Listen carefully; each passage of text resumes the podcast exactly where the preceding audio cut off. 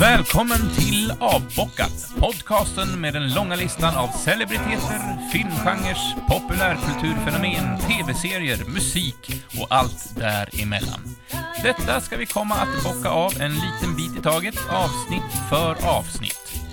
Och idag ska vi prata om författaren H.P. Lovecraft, Bruce Springsteens platta Born to Run samt en fortsatt dissekering av Varning för Jönssonligan. Så än en gång, fenomenalt välkomna till Avbockat.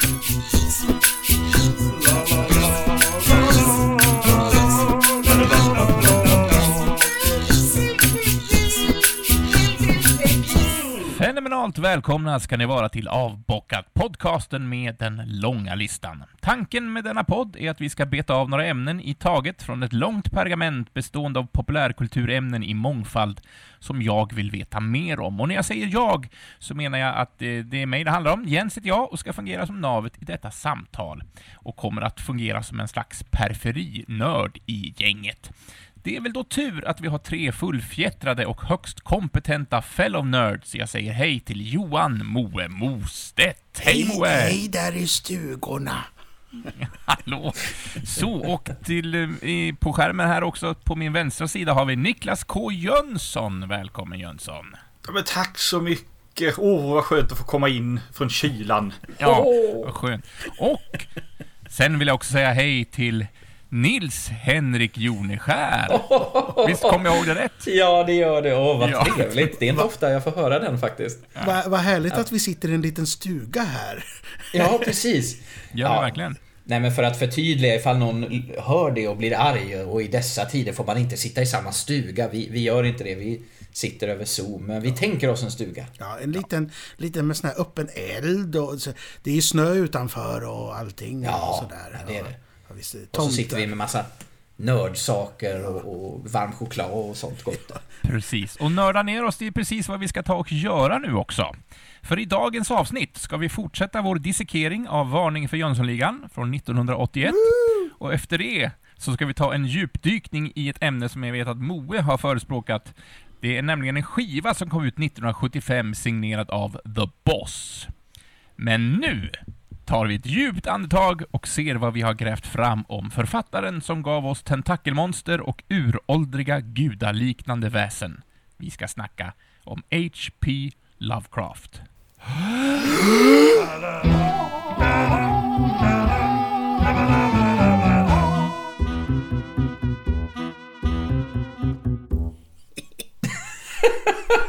Ja, nu är vi yeah! tillbaka hörni!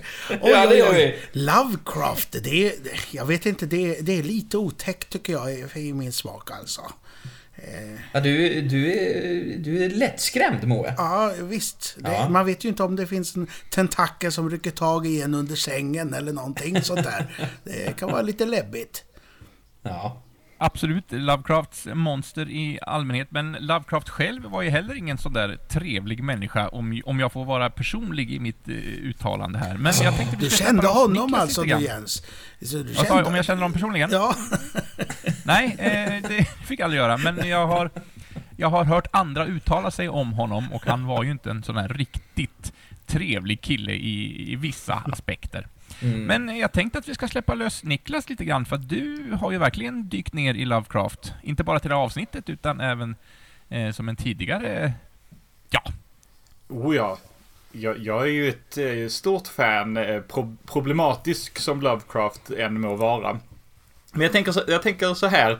Föreställ er en blek och sjuklig liten pojke någon gång i sent 1800-tal. Han, han går på, på, på gatan i, i Rhode Island tillsammans med sin mor och modern håller honom hårt i handen för, för hon är rädd för att om någon annan höll i hans arm, då skulle de slita så hårt så den slets av.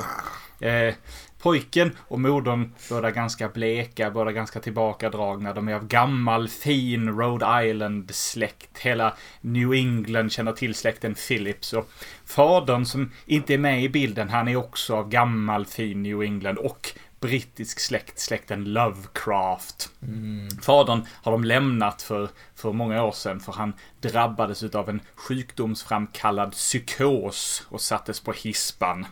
Det skulle senare spekuleras i att den här psykosen kom från sjukdomen syfilis.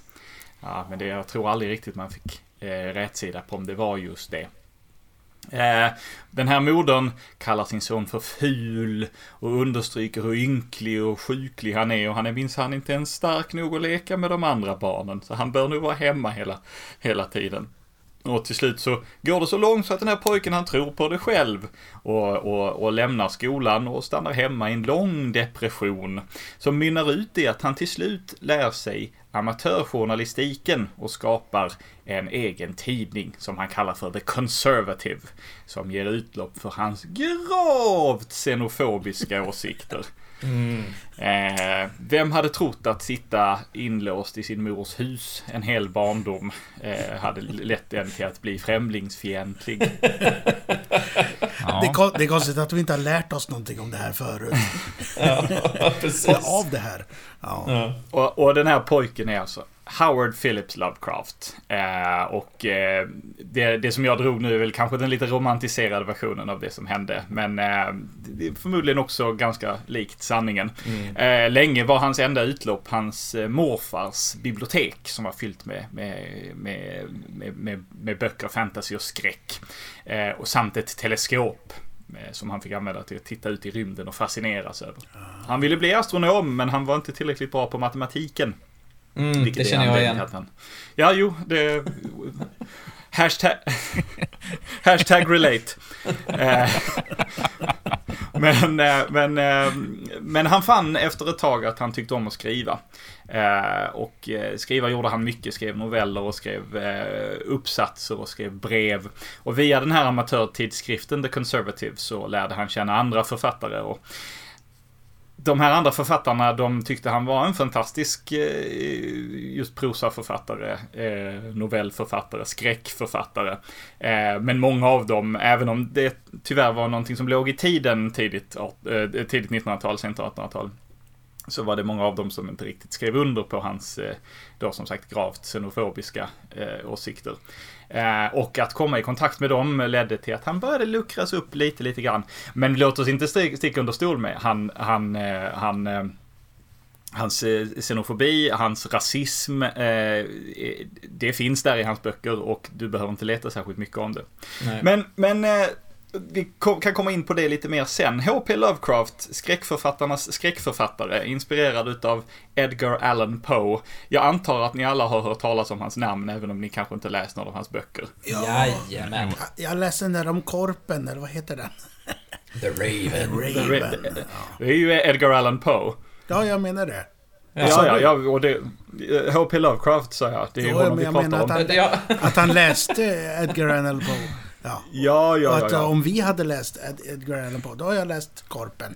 Ja, ja den har jag också läst. Ja. Eh, och uh, The Telltale Heart. Mm. Ja. Men jag kan säga att jag har faktiskt inte läst någonting av Lovecraft. Men, alls. Men jag känner igen namnet naturligtvis. Och vet ja, precis. vad det ändå har genererat. Känner du till, ändå känner du till namnet. Exakt. Och ändå känner du till Cthulhu skulle jag gissa. Mm, och ändå har du kanske en bild av kosmisk skräck och stora tentakelansiktade monster från rymden och så vidare. Oh ja, oh ja.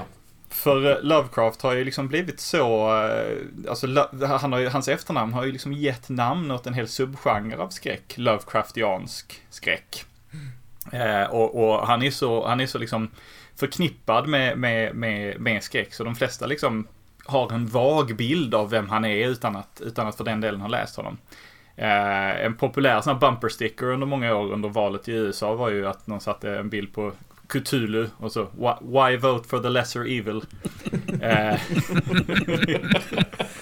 ja, det, det, jag har läst av, eh, av Lovecraft det är ju den här eh, du Jönsson fick ju Jens och mig att lyssna på ljudboken eh, om, vad heter den? Eh, Color out of space. Ja. Just det. Ja, visst.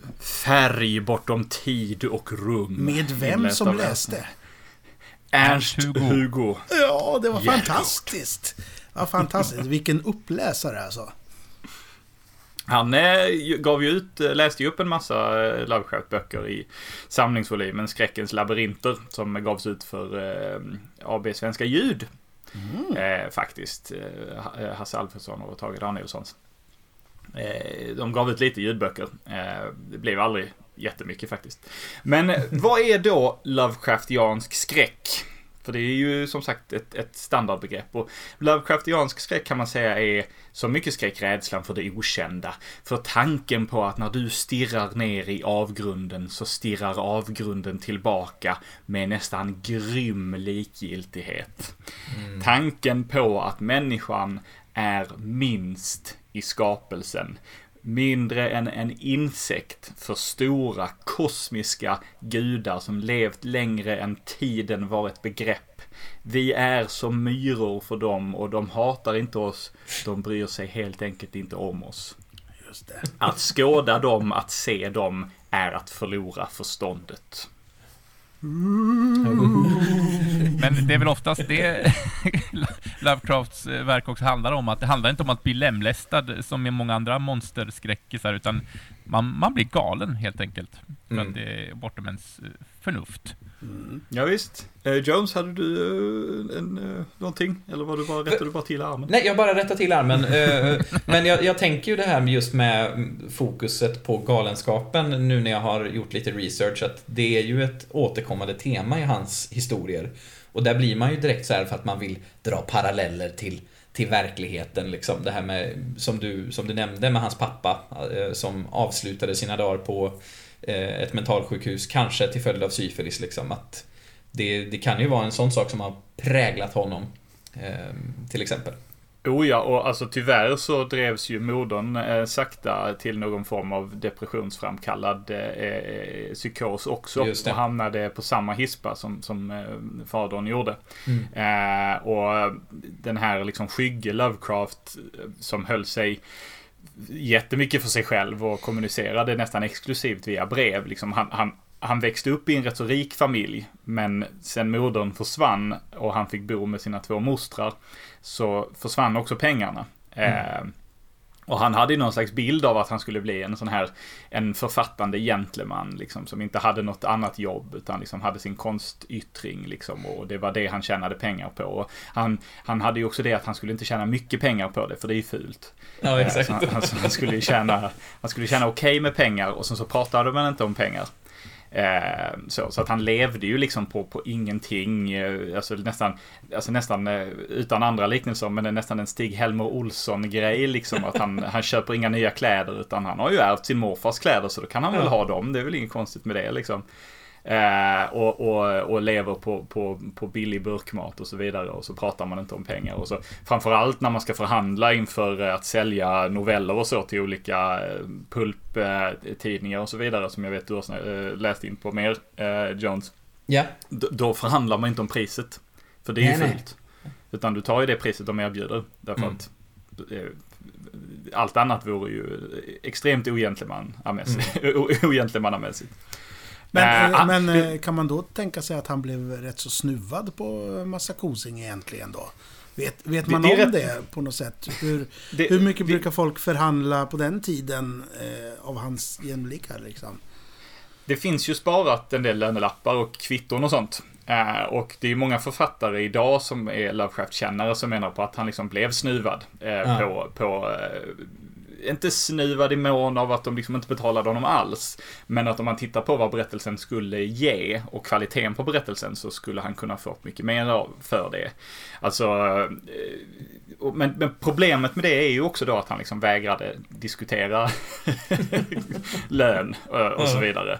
Men jag tror Herbert West Reanimator som är en av hans stora berättelser exempelvis fick han 5 dollar per del för och liksom även om 5 dollar var mycket pengar då är det inte särskilt mycket, framförallt inte om du ska leva på det. Eh, de, hans stora berättelser eh, jag tror att en av hans största lönelappar ligger på runt 20 dollar eller någonting i den stilen. Det är ju inte jättemycket pengar. Eh, även om det var som sagt var mer då. Eh, det ska också sägas att han, det är inte bara kosmisk skräck han skrev. Han skrev också en del så här dussin eh, dussin skräckisar, lite moralskräckisar liksom där, där något, någon, något, något hemskt monster eh, ger sig på någon som varit elak eller snål eller någonting i den stilen. Eh, Jens? Mm. Ja, eh, men jag funderar det här med att eh, deras, hans rättigheter, för att jag ska prata lite grann om spel baserade på hans universum sen i slutet av det här samtalet, tänkte jag. Och där finns det ju, eftersom hans, om jag förstått det rätt, hans böcker, eh, texter innehöll ju till 99% vita män, eh, aldrig någon annan nationalitet på, av mänskligheten och var någon kvinna med så var hon antagligen hushållerska eller prostituerad, om jag har förstått det rätt. Och hade äh, knappt någon talroll, eller? Hon, hon, var, hon var snarare en, en moder. Eh, okay. I den mån att Lovecraft någonstans visste att eh, för att barn ska existera i en familj så måste det finnas en, en, en kvinnlig eh, del också. Eh, så där är ofta, en, där är ofta en, en stum mamma eller en dotter som eh, sålts till mörka krafter för att avla fram barn. De har aldrig en talan själv. I eh, Färg bortom tid och rum exempelvis så är ju mamman den enda, tror jag, helt stumma karaktären i familjen eh, Gardner. Mm. Okej, okay. ja. Men jag tänkte också för om, sen när vi ska komma till de här spelreferenserna, där finns det ju betydligt fler kvinnoroller och definitivt representanter från alla möjliga eh, folkslag. Liksom. Och hur är rättigheterna? Det, det Vet du inga. någonting om hur det har funkat? Eh, det, det, finns inga äh, äh, rättigheter. Han, äh, släkten Lovecraft dog med honom. Ja. Även om hans mostrar levde längre än honom tror jag där, där, är ingen, de rättigheterna är, är, jag tror till och med public domain. Um, för att uh, han blev ju aldrig, alltså han, han var stor inom smala kretsar när han, uh, när han, när det begav sig. Alltså hans, hans vänner i författarsvängen tyckte väldigt mycket om hans, hans berättelser och de sålde ju väl, alltså de var eftertraktade. Och han var spökskrivare för bland andra Harry Houdini. Skrev skräckisar under hans namn. Uh, och det tänker man inte, det, det, blir lite av en sån här, det, det är lite, det, det, funkar nästan inte i hjärnan. Så, vad fan skrev, Harry Houdini, skrev han skräckisar? Nej, men Lovecraft skrev dem åt honom. uh, men, uh, men han, efter att han dog så samlade hans vänner hans texter och bildade ett, ett förlag Arkham House. Döpt mm. efter staden där många utav uh, hans uh, skräckisar utspelar sig. Men Arkham. vänta nu! Arkham! Arkham Asylum, hänger det ihop något? Det är ju från Batman ju. Ja. Ja, ett gäng Batman-författare var tydligen stora Lovecraft-fans. Eh, och, och, så de har tagit det därifrån. Arkham i sig tror jag till och med är eh, inte hans uppfinning utan ett gammalt ord för eh, för, alltså det, det, är samma som Gotham, tror jag, är ett gammalt, gammalt smeknamn på New York. Så tror jag Arkham är ett gammalt smeknamn om det är på London eller någonting i den stilen. Det finns i litteratur innan Lovecraft, tror jag. Men nu skjuter jag från höften som jag brukar. eh, men, eh, nej men så, så, det gavs ut av dem helt enkelt. Eh, och, och, och, det var så det blev stort, det var så det fick liksom rullians. Men nu är liksom Lovecraft fritt. Det är därför det har gjorts rätt så mycket spel och, och, och böcker som utspelar sig i hans värld och serietidningsversioner av hans böcker och, och så. Och nästan alla författare, i synnerhet moderna författare, tar ju sig enorma friheter därför att mm. de, de tycker att det bör finnas mer än den här liksom, ja, den här vite mannen bördig från nordöstra USA med rötter i Storbritannien eller Tyskland, eh, eh, som dessutom är en doktor, professor eller student. Mm. Eh, det, det, det är ju hans huvudperson, det finns bara den. Eh, om det nu liksom, mot förmodan skulle dyka upp en svart latino eh, eh, asiat eh, person så är det, ja det är definitivt en man. Eh, men, men det är också en, en, eh, inte på i närheten av samma liksom mänskliga nivå som de andra karaktärerna är. Det är alltså så illa. Mm. Eh, och det är eh, förhatligt nu som det var förhatligt då. Eh, det var tyvärr mer okej okay då. Och jag kan säga att jag förstår varje människa som, som säger då kan jag nog inte läsa Lovecraft. För mm. det, jag, jag, kan förstå det. Eh, mm. det. Där är en del av his, hans historier. Uh, the, the Horror at Red Hook exempelvis. Red Hook är ett område i New York. Han bodde ett tag i New York och förfasades över uh, då rasmixningen i New Just York. Det. Och Red Hook var ett väldigt eh, område där det bodde väldigt mycket folk från, med olika ursprung och det hade han ju svårt, väldigt svårt med. Mm. Eh, och där eh, stammar ju skräcken också från att eh, den här liksom intermix, interbreeding mellan olika raser har, har liksom öppnat eh, portaler till eh, undre dimensioner och monster har släppts ut. Den, den, är den, första, den var den första Lovecraft-berättelsen som jag sa, det här, nej jag, jag, jag fixar inte riktigt att läsa det här faktiskt. Nej. och då har jag ändå en väldigt, väldigt, väldigt hög toleranströskel. Så ja, det är, det är problematiskt minst sagt och det ska man verkligen inte sticka under stol med. Eh, sen är han en produkt av sin tid och det finns liksom inget sätt att eh, säga att Lovecraft, eh, alltså, vi, vi, kan inte skriva om hans berättelser. Liksom. Eh, däremot så kan ju då som Jens sa, eh, i nyskapande av hans berättelser så kan man ta bort den aspekten. Man kan strunta i den aspekten. Man kan mm. skapa huvudpersoner eh, som inte är den här vite mannen. Liksom. Eh, och, och, man kan göra andra sorters berättelser och det tycker jag är gött. Ja, Moe?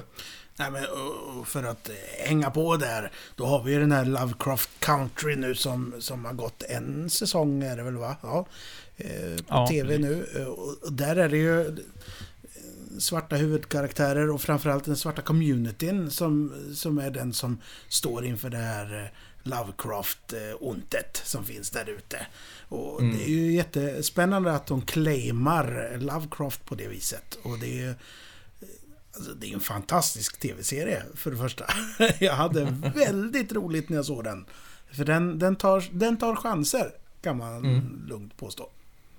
Ja, jag, jag fixade tre avsnitt. Sen, eh, ja. sen fick det vara nog.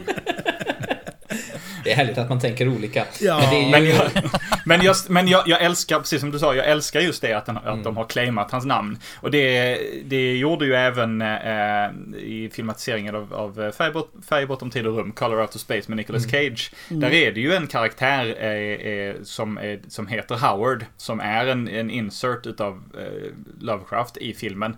Och spelas ju av en, av en, av en svart man. Liksom. Mm. Det, det, det, kan man nästan vara lite glad över att Lovecraft då hade, hade, hade dragit sig för själv. Ja, men precis. Liksom. Det känns skönt att veta att vi har kommit så pass långt ändå. Mm. Ja, det, det vet jag att jag tyckte om den filmen faktiskt. Det, mm. Den är spacad, kan man ju lugnt påstå. Ja, det... jag såg ju den faktiskt eh, igår. Eh, inte när ja, ni lyssnar på det här då, men i realtid så såg vi den, eh, nej, i förrgår.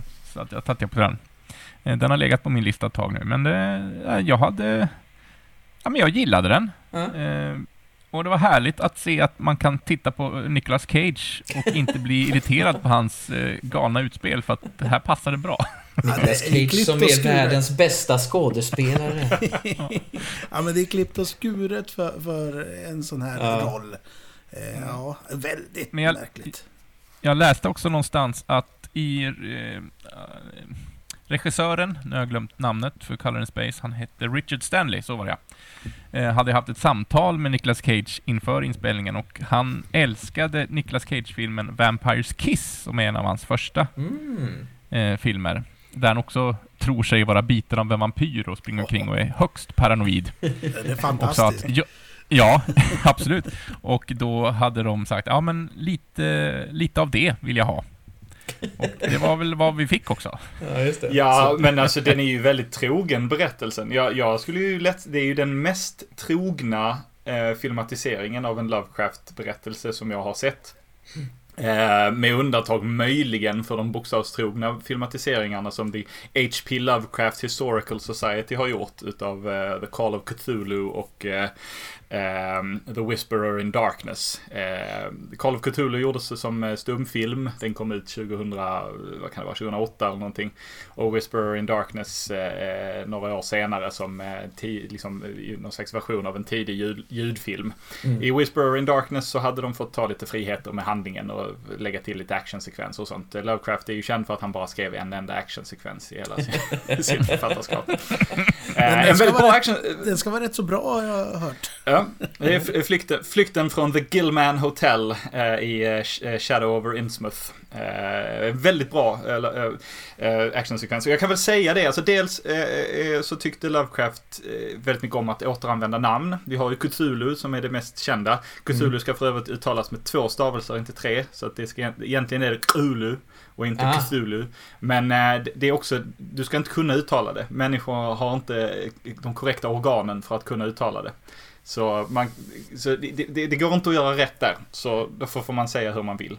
Inte som med Darth Vader, där det finns ett tydligt rätt och fel. det kan vi ta i ett annat avsnitt. ja, exakt.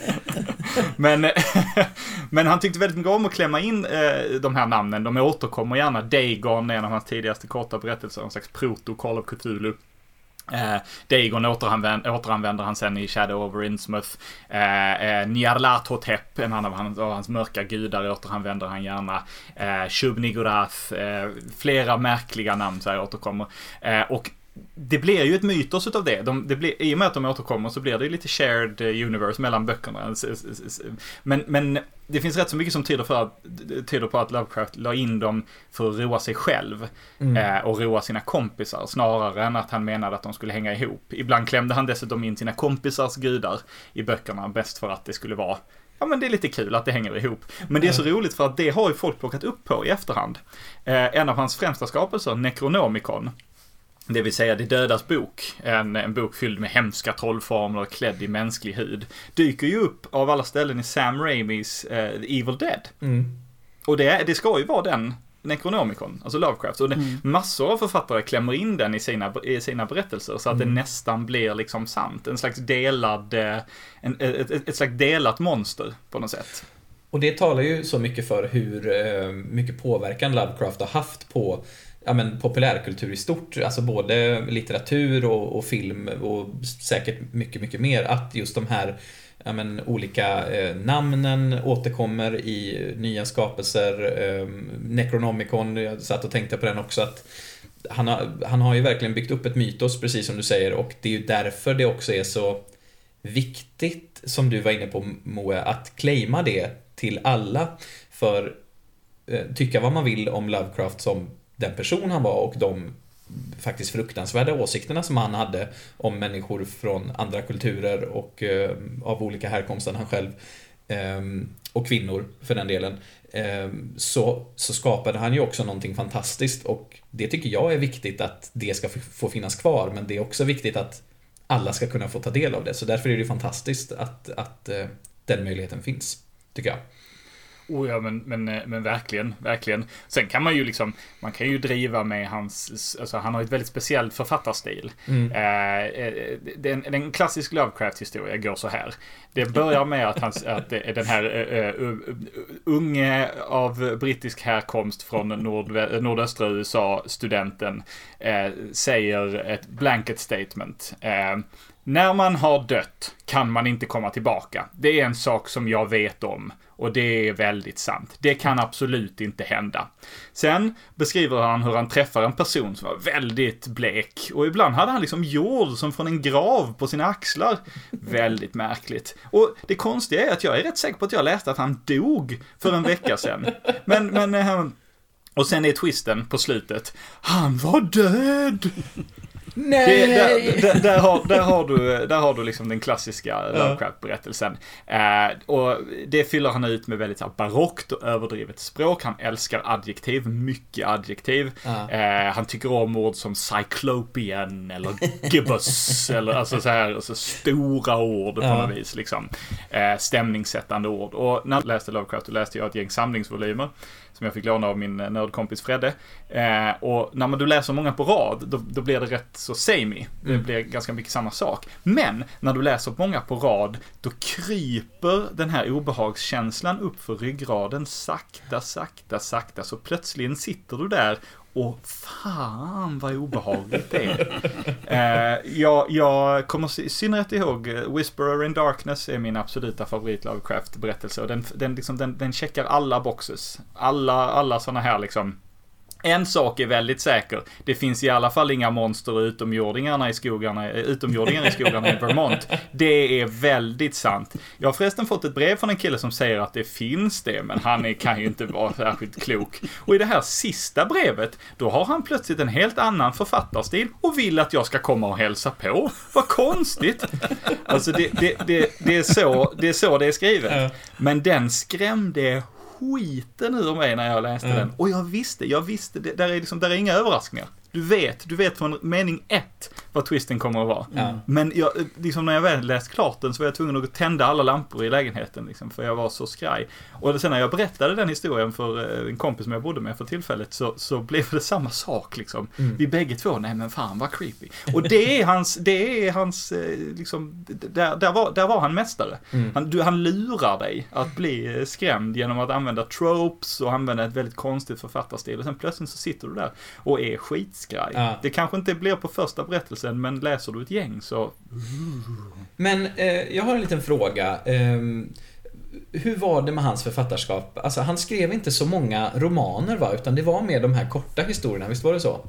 Ja, han gav ju aldrig ut några böcker, utan det var just noveller som han sålde till olika eh, pulpmagasin. Just det. Ehm, och eh, ibland skrev han, primärt skrev han ju det som heter weird fiction. Mm. Eh, det, och, och eh, som ja, vi känner till idag, lite som en trope. Men han skrev, han, vad heter det, eh, Herbert West Reanimator, som sedermera filmatiserades som just Reanimator, eh, med mästaren Jeffrey Combs i huvudrollen. Eh, som för övrigt är den som har gjort flest Lovecraft-filmatiseringar, tror jag, Ah. Jeffrey Combs. Eh, den, eh, den, eh, den är ju skriven för en, en, en, en komisk tidning. Så den var ju menad att vara rolig. Just det. Eh, Den, liksom alla andra sina berättelser, hatade Lovecraft. Han, han, han tyckte inte om något han producerade. Eh, Men det har spekulerats i att det kanske var ett lite det här att man får lite jante. Du får Ja. inte visa att du är stolt. Hör väl till med den här eh, liksom gentlemanna bilden på något sätt. Som du pratade om Mm. förut. Mm. Ja men exakt. Ja, Eh, Ja, Moe sitter och eh, pockar uppmärksamhet. Så att, eh, Ja, jag varsågod. tänkte bara så här. Det, det är kanske så att folk inte vet vad Pulp Magazines är för någonting. Kanske, nej, för det vet man. Det kommer jag ihåg när, när Pulp Fiction kom. Då kommer det upp Ja. en liten disclaimer där i, i, i tv-rutan. Och det var verkligen så här. Det var nyheter för många vad det var för någonting. Eh, vill du berätta eh, Jönsson, vad, vad, vad är ty- jag, jag, jag, tycker Jones kan få berätta. Jag kan ta det, Jones. absolut. Ja, du ska ju berätta lite om det ja. Ja, men precis. Eh, det, är, det är svårt att veta vem som har gjort research på vad. Eh, ja vi håller ju det lite hemligt för oss själva Ja, också. precis. Vilket biter oss i baken ibland. Nej, men eh, precis sådana här pulpmagasin eller pulp magazines. Eh, det är ju helt enkelt de här ganska billiga fiction-tidningarna eh, som var populära. Eh, framförallt eh, tror jag att det var 2030-talet, alltså 1920 till 30, men jag tror att den första sån Pulp Magazine eh, var en tidning som hette Argosy. Eh, och den släpptes redan 1896.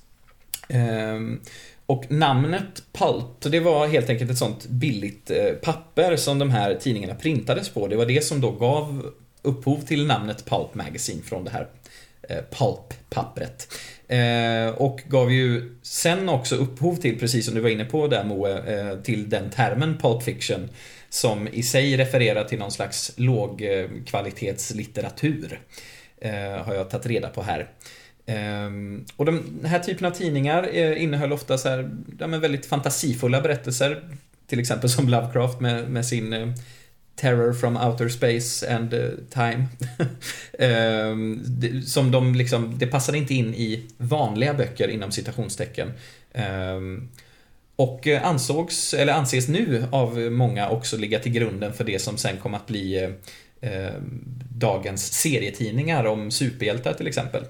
Eh, många av de här historierna som publicerades i, i såna här pulp magazines, eh, till exempel Flash Gordon och eh, The Shadow, är ju liksom någonstans förgrund till väldigt mycket av det som eh, vi idag känner som eh, superhjälteserierna. Exakt, det var många som blev eh, liksom till serier sen direkt Ja. inpå där också. Ja, men precis, precis. Men, Eh, men du, ja. du eh, vet du om A Penny Dreadful? Det, det är sånt som var i England. Är det före eller är det samtida? Är det någon av er som vet det? Jag tror att det var före, jag är inte helt säker faktiskt, så jag ska inte svära på det.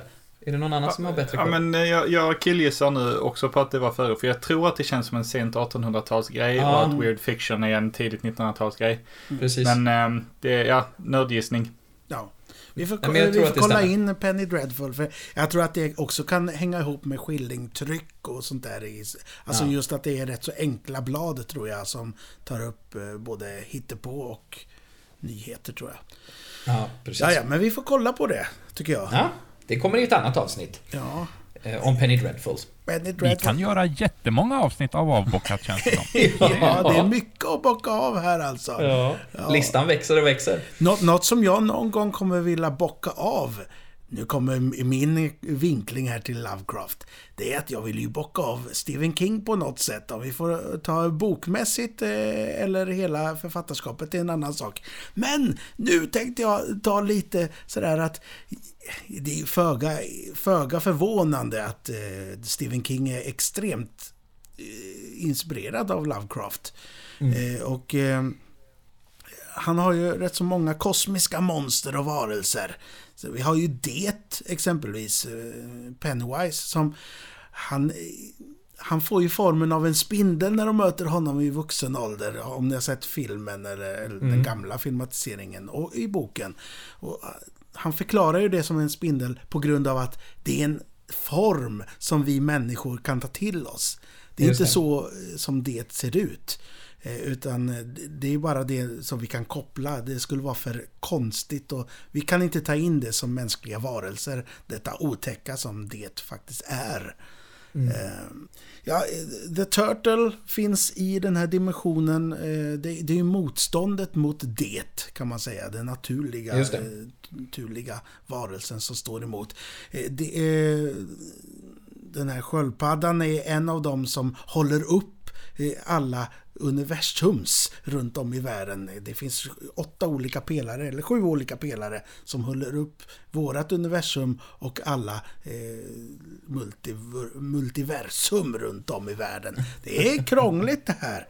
Ja, det får ju mig att tänka på Terry Pratchett. Ja, ja precis. Ja, visst, men först, först, eh, först tänkte jag på Flash-skurken The Turtle, men sen eh, gick jag till Pratchett, precis som du sa Jens. Manturin heter sköldpaddan kan jag säga. Sen, sen, har vi att det är olika liksom, dimensioner. Vi har eh, The Mother som, som finns i i en dimension som heter The Null. Och då, då pratar vi inte eh, Null med K som är ju Venoms eh, skurk där i serietidningen nu för tiden. Men han är på väg. Men Null, men eh, det är en dimension i Revival. Jag vet inte, har, har ni läst Revival någon gång? Nej, Nej faktiskt Och där finns det massa myrmonster som eh, i den här dimensionen. Och det är också så väldigt Lovecraftian, så att säga. Uh, uh. Ja. Eh, vad har vi mer? Ja, vi, eh, eh sen är det kul, eh, ja, Mist har vi också. The Mist eh, finns film, filmatiserad. Och det är ju också en massa sådana varelser. Fast de är ju från en... De är ju ihopsatta av människan fast eh, på en annan dimension sådär. Men mm. något som är kul är Jer Jerusalems lott. Eh, Salems lott har ni, har ni kanske koll på. Det är en vampyrhistoria, mm. eller hur? Men eh, det finns en novell som skrevs innan eh, Salems lott som är lite som en prequel kan man säga. Som heter Jerusalems lott. Den utspelar sig i ett hus och eh, där börjar de höra råttor i väggarna. Bara där börjar det. Vad är det för något? Råttor i väggarna, eh, Jönsson? Eh, rats in the Walls, en av hans tidiga stora skräckisar. Den, den är väldigt, väldigt bra. Där har han även gjort en liten sån här self-insert, inte av sig själv utan av sin katt.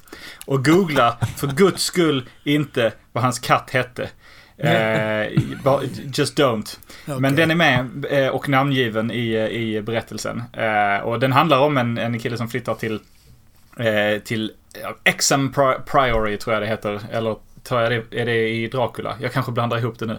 Mm. Eh, han flyttar i alla fall till ett gammalt slott i, i Storbritannien som han har ärvt. Eh, och när han bor där så, så märker han hur han hör råttor i väggarna hela ja. tiden och ingen annan hör dem. Och så till slut så, så börjar han klättra sig ner eh, i, i, katakomberna under och upptäcker att hans släkt nog härstammar från någon slags eh, eh, monstersläkt. Som, och så får han någon slags rasminnen av att ha, ha, ha, var han en del utav monster monstren eller var han en del av deras slavvarelser? Och medan han berättar i klass, klassisk Lovecraft-stil så blir han tokigare och tokigare och till slut bara skriker han ut märkliga avgrundsord liksom. Så man undrar, man undrar vem det är som dikterar berättelsen eller hur han fick iväg berättelsen till, till tryckeriet efteråt. Ja. Liksom, Rasha, yeah, yeah. Varsågod. Om ni kan jag, eh, jag googlade på vad katten heter och jag, jag håller med. Gör inte det. Ni blir bara Nej. arga. Men, men det jag ska säga om Jerusalems Lot, den är ju Night Shift är den med i som novell. Eh, det är novellsamlingen som heter det. Men eh, och den, handlingen är rätt så mycket som det du sa nu. Att han Eh, att, att han eh, ärver det här huset och där hör han de här råttorna. Så, så gräver de sig ner sig under jorden där och hittar en bok däremot. Som heter De Vermis Mysteris och det är väldigt tydligt att det är Necromonicon. Ne, vad, vad, säger man? Necro, ne Necronomicon. Ja, eh, I, i, I Pratchetts värld så är det Necrotelekomnicon och är dödens telefonbok. Ja, jag tror det var för krångligt för Stephen King själv att klura ut hur man skulle uttala det, så han bytte namn helt enkelt på det. Ja. Men eh, boken slutar ju med att, att, eh, att hela allting skakar. Och då förstår de att det är något gigantiskt som rör sig under marken. Oh, Eh, som, som avslutning på Stephen King-referensen här så vill jag ändå också nämna Desperation. Där finns det eh, varelse som heter Tack. Och det är ett helt språk liksom. Och det är ju väldigt eh, sådär åt det hållet. Det är också nonsensord kan man tycka i början. Eh, Crouch End är också en bra eh, novell som är lite liknande eh, Lovecraft. Eh, det var allt för mig, tack, hej! Underbart. ja. jag, jag, slänger in en bubblare också på, på vågen och det är att eh, de slänger in en del referenser till eh, Lovecraftianska monster och eh, varelser i Netflix version av Sabrina.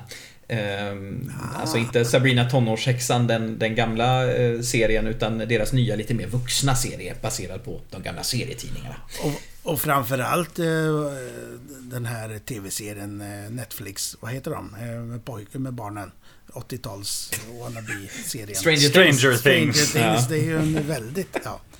Serien ja, med barna. Ja, med barna. Jag kommer inte ihåg den här Goonies rip-offen som de har gjort. Med Steven King-font liksom. Ja.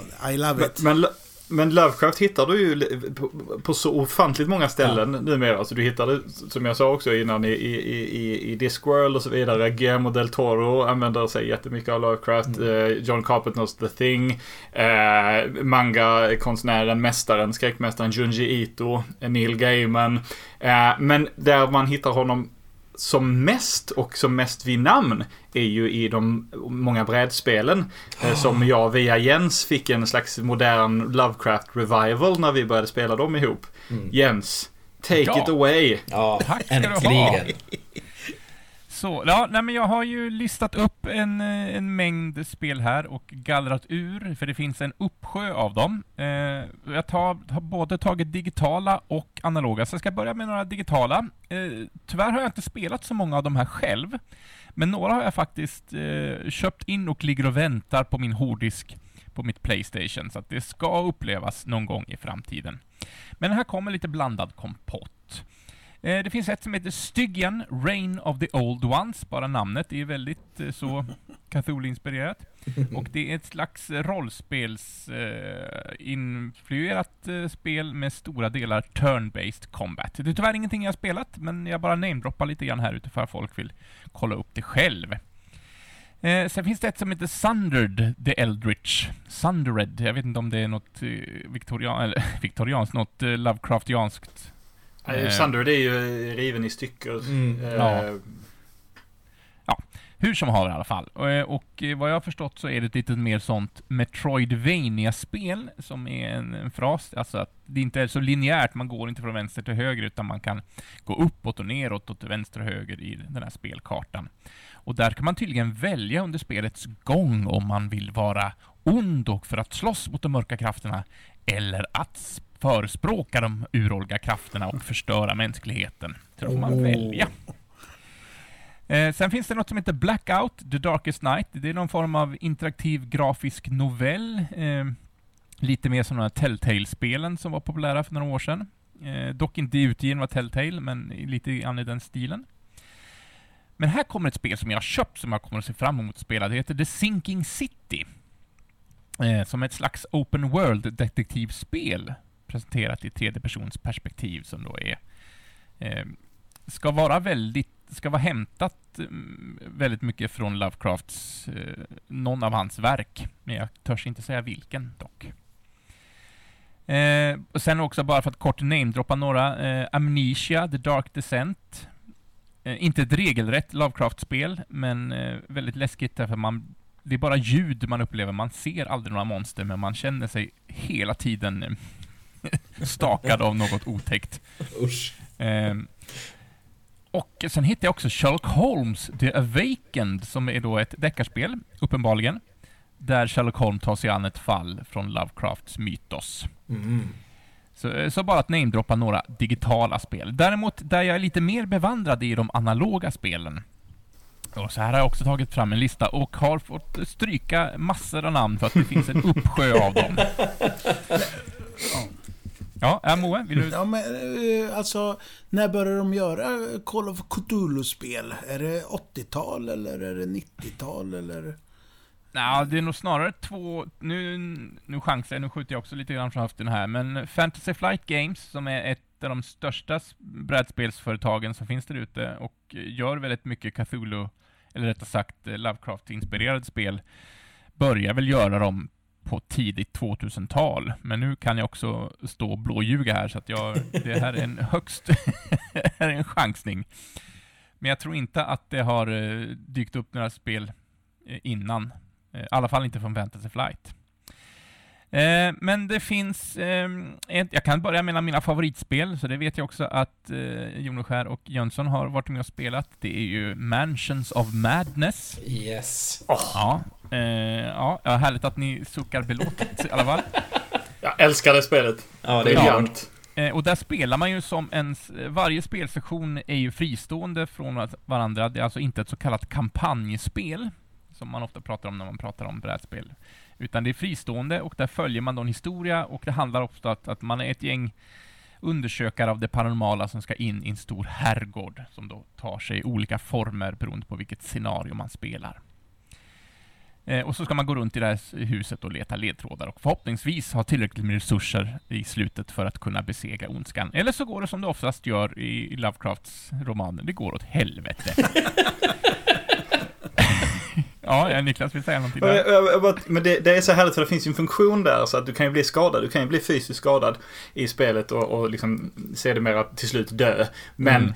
det vanligaste är ju att du blir psykiskt skadad. Att mm, du, ja. liksom, du, du måste hålla dig från att tappa förståndet helt och hållet. Det tycker jag är så gött. För det, och det kan du göra antingen genom att, att, att dricka sprit eller vad är det, läsa bibeln eller vad så här. Ja, då kan, då kan man återfå lite, lite sanity som, ja, som man mäter detta i.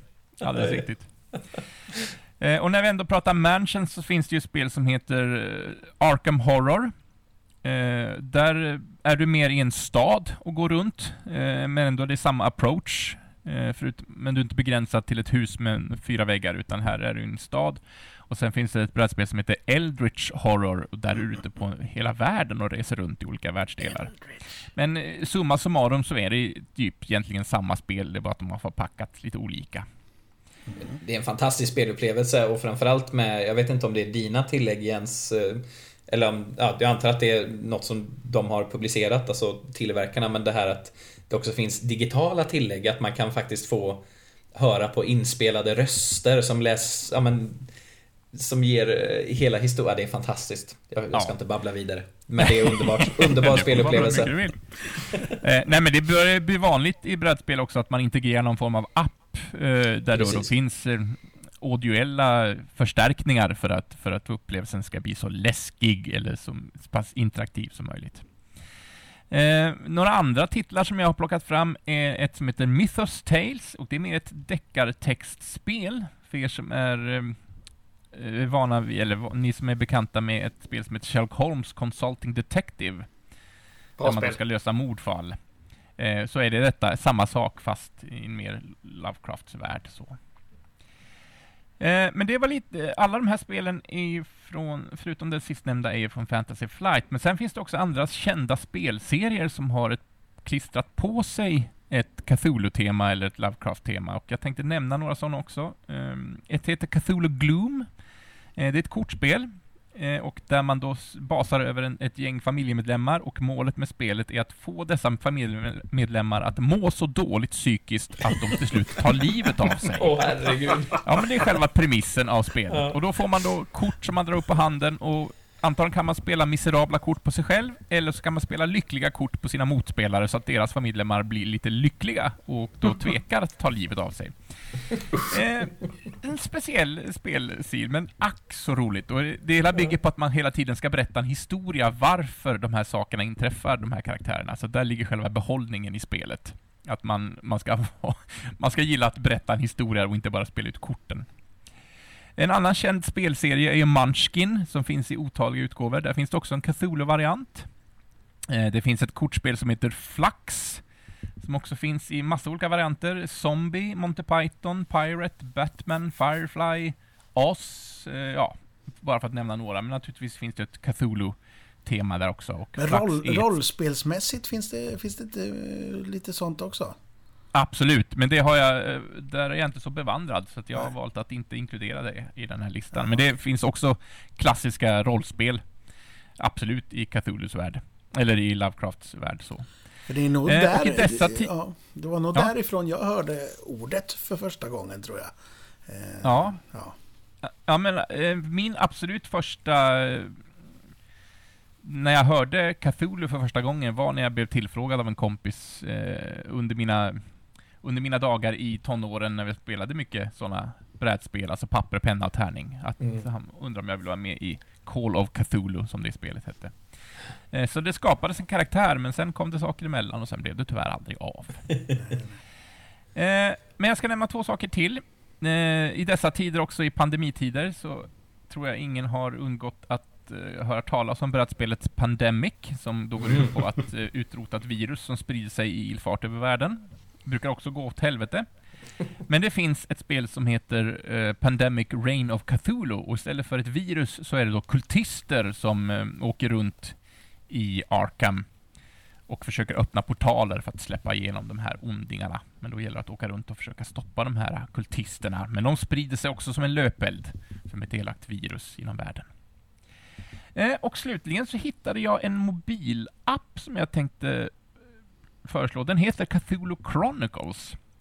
Och det är eh, flera korta eh, noveller, lite i den här eh, Choose Your Own Adventure-stil. Så att eh, du läser ett litet stycke text och sen kommer du till ett val där du då får välja vad din karaktär ska ta för väg.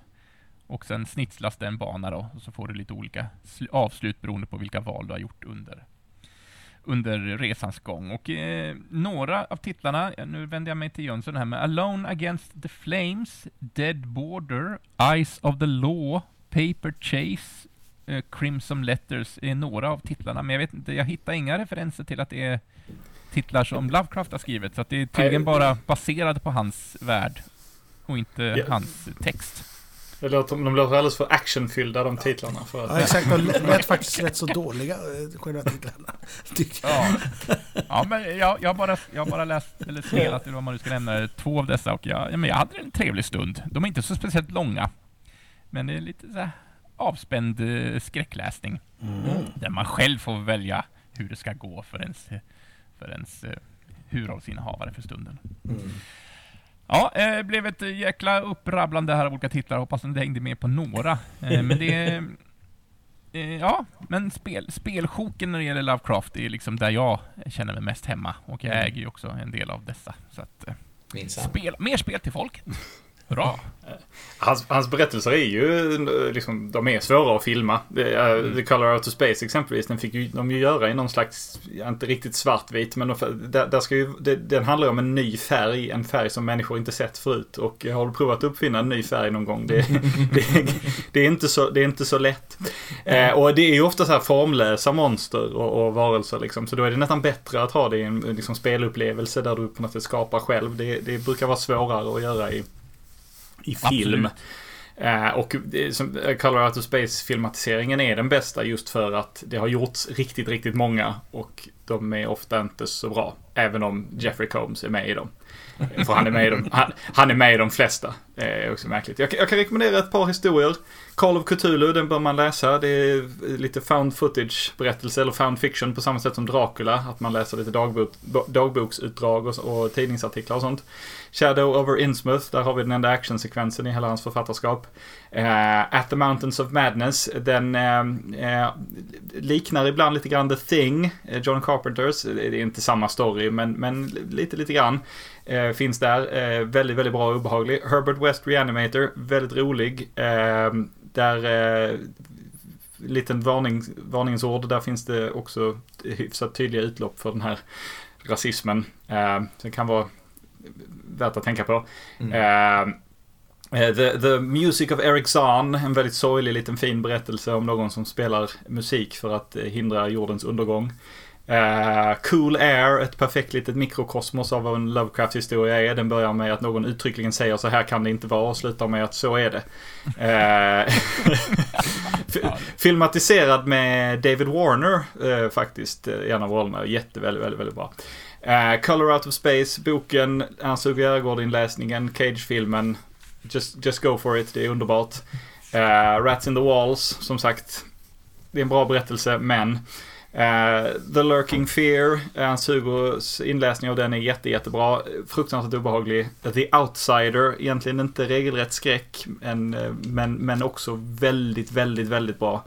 Uh, och avslutningsvis min personliga favorit, The Whisperer in Darkness. Fantastisk mm. skräck.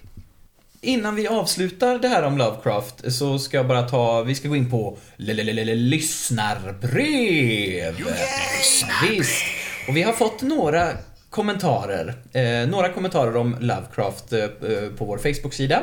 Eh, och då säger Per Karlsson så här. Lovecraft, den såg jag inte komma. Ska bli kul att höra detta avsnitt. Tack för det Per, vi hoppas att vi ska... nu har han gjort det kanske. Blidka detta. Ja, ja, precis. Och nu har han ju fått mer än man kan hantera kanske. Ja, kanske.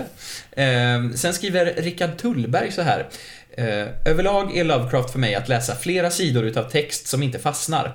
Man läser men registrerar inte. Men när det är bra så är det obehagligt på ett ensamt sätt. Sen slutar det ofta utan att man knyter rosetten.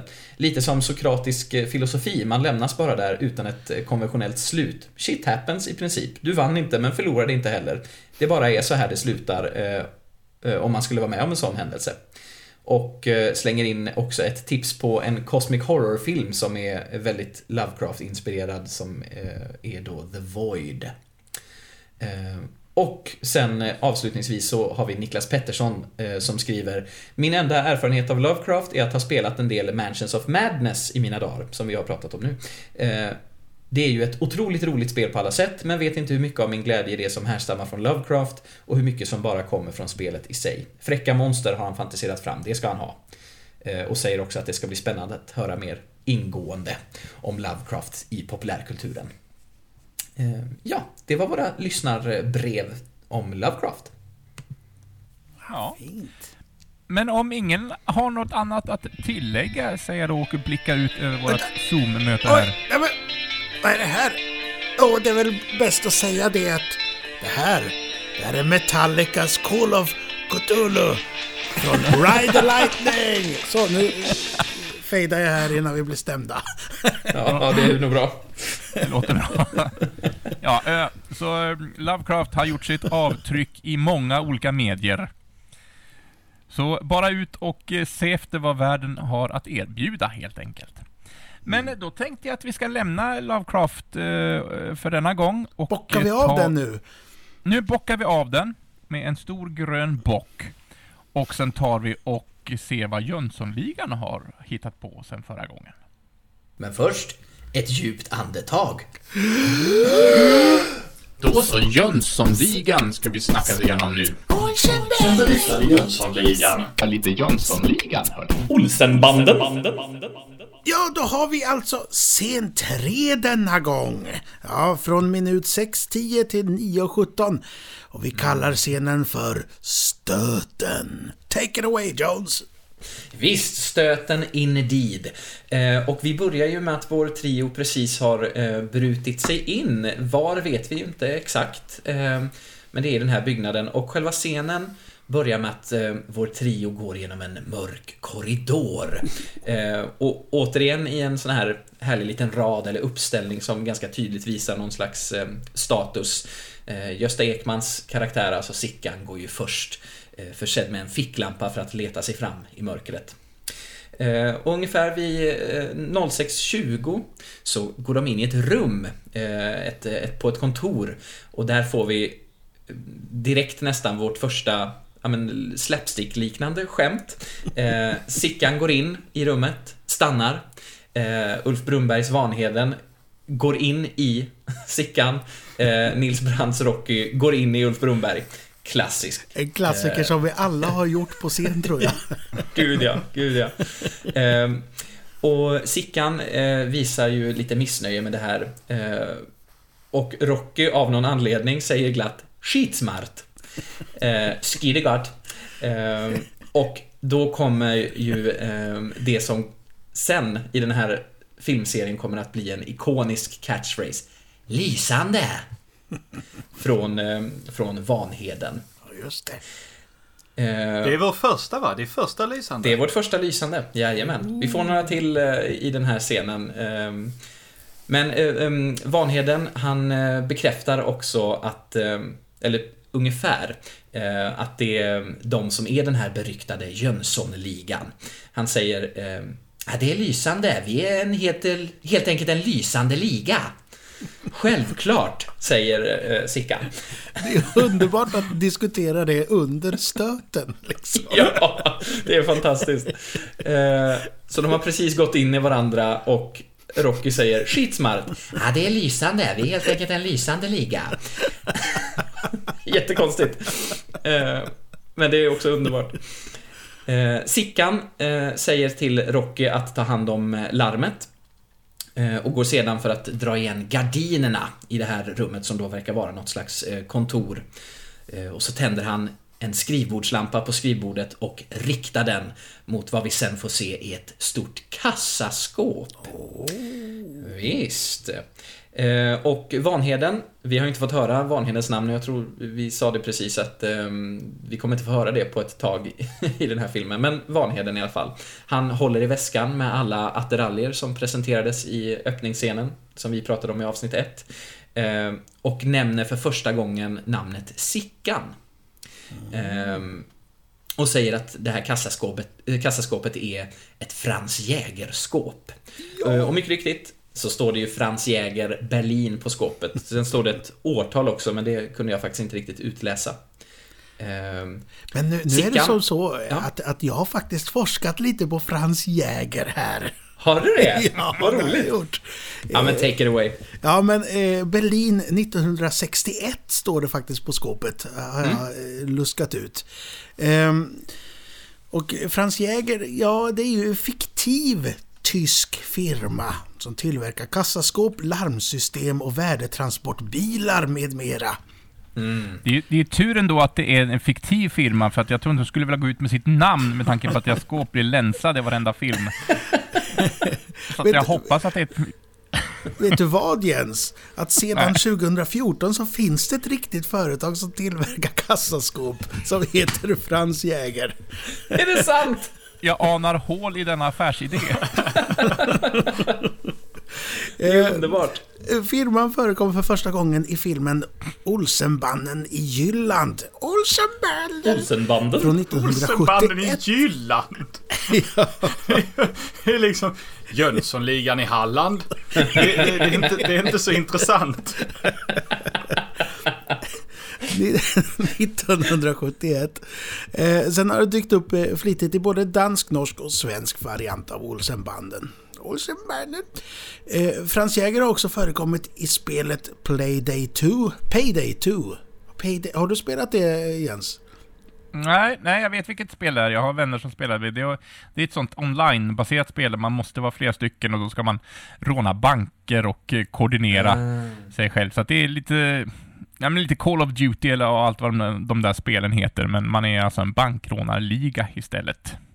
Eh, så mycket vet jag. Jag har aldrig riktigt fastnat för sådana online-spel. Jag, jag, vill hellre krypa in i mitt eget mörka rum och sitta själv. Ja. Men eh, det ska vi inte prata om nu. Nu ska vi men prata det, om men det är kul då att, att den finns med där i det spelet, Payday 2.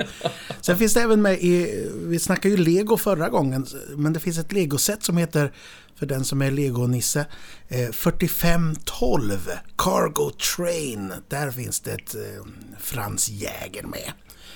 Ja, det är underbart. Och dessutom i sydkoreanska actionfilmen The Good, The Bad and The Weird. Den fick ju Men- massa eh, snack om sig när den kom. Eh, det kommer jag inte ihåg när det var, men det är ju 2000-talet någon gång. Eh, Mm. 15 någonstans.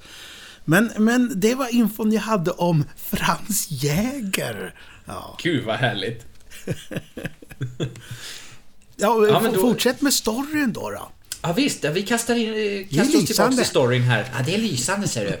Eh, jo men precis. Eh, Vanheden säger, pekar ju på det här skåpet och säger att det är ett Frans Jägerskåp. Eh, och Sickan hyschar Vanheden.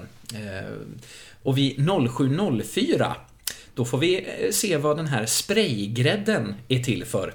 Eh, Rocky lyfter av locket eh, till larmet som sitter på väggen och sprayar igen det med grädden.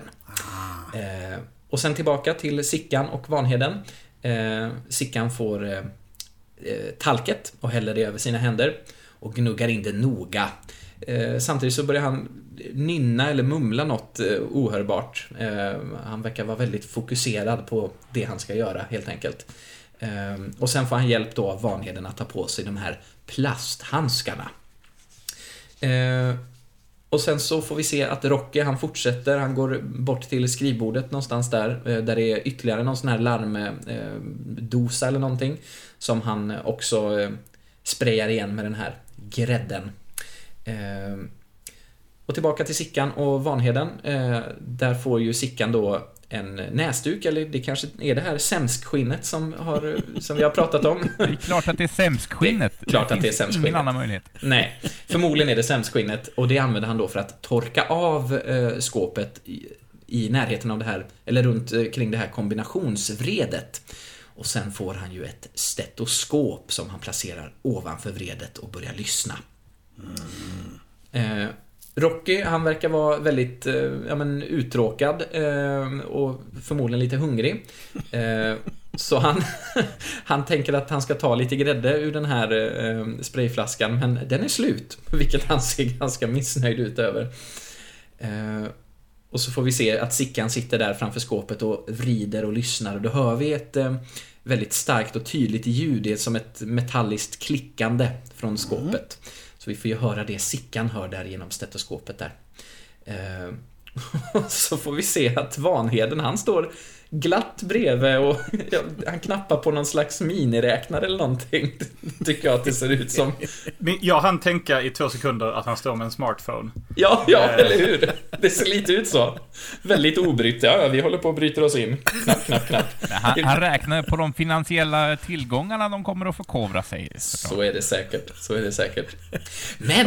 Varför är han med? Ja, ja. Han är ju fixaren ju. Nej, det är lysande, ser du. Han, Han måste ju behöver... berömma Sickan hela tiden. Det Precis. eh. Sickan behöver en boost. Eh, Men vid 8.03, nu blir det drama ser ni. För då klipper vi till utomhus. Det är mörkt mitt i natten och vi får se en polisbil med blåljuset igång komma åkandes eh, mot kameran, mot oss. Eh, Och en man som, eh, man ser inte riktigt vem det är, men vi kan anta att det är kriminalassistent Holm. Eh, han springer frenetiskt ut ur den här bilen, ensam. Eh, och liksom med viftande armar så springer han in i vad som ser ut som en, som en gränd. Eh, men förmodligen så är, är han ju i närheten här av eh, där Jönssonligan slår till helt enkelt.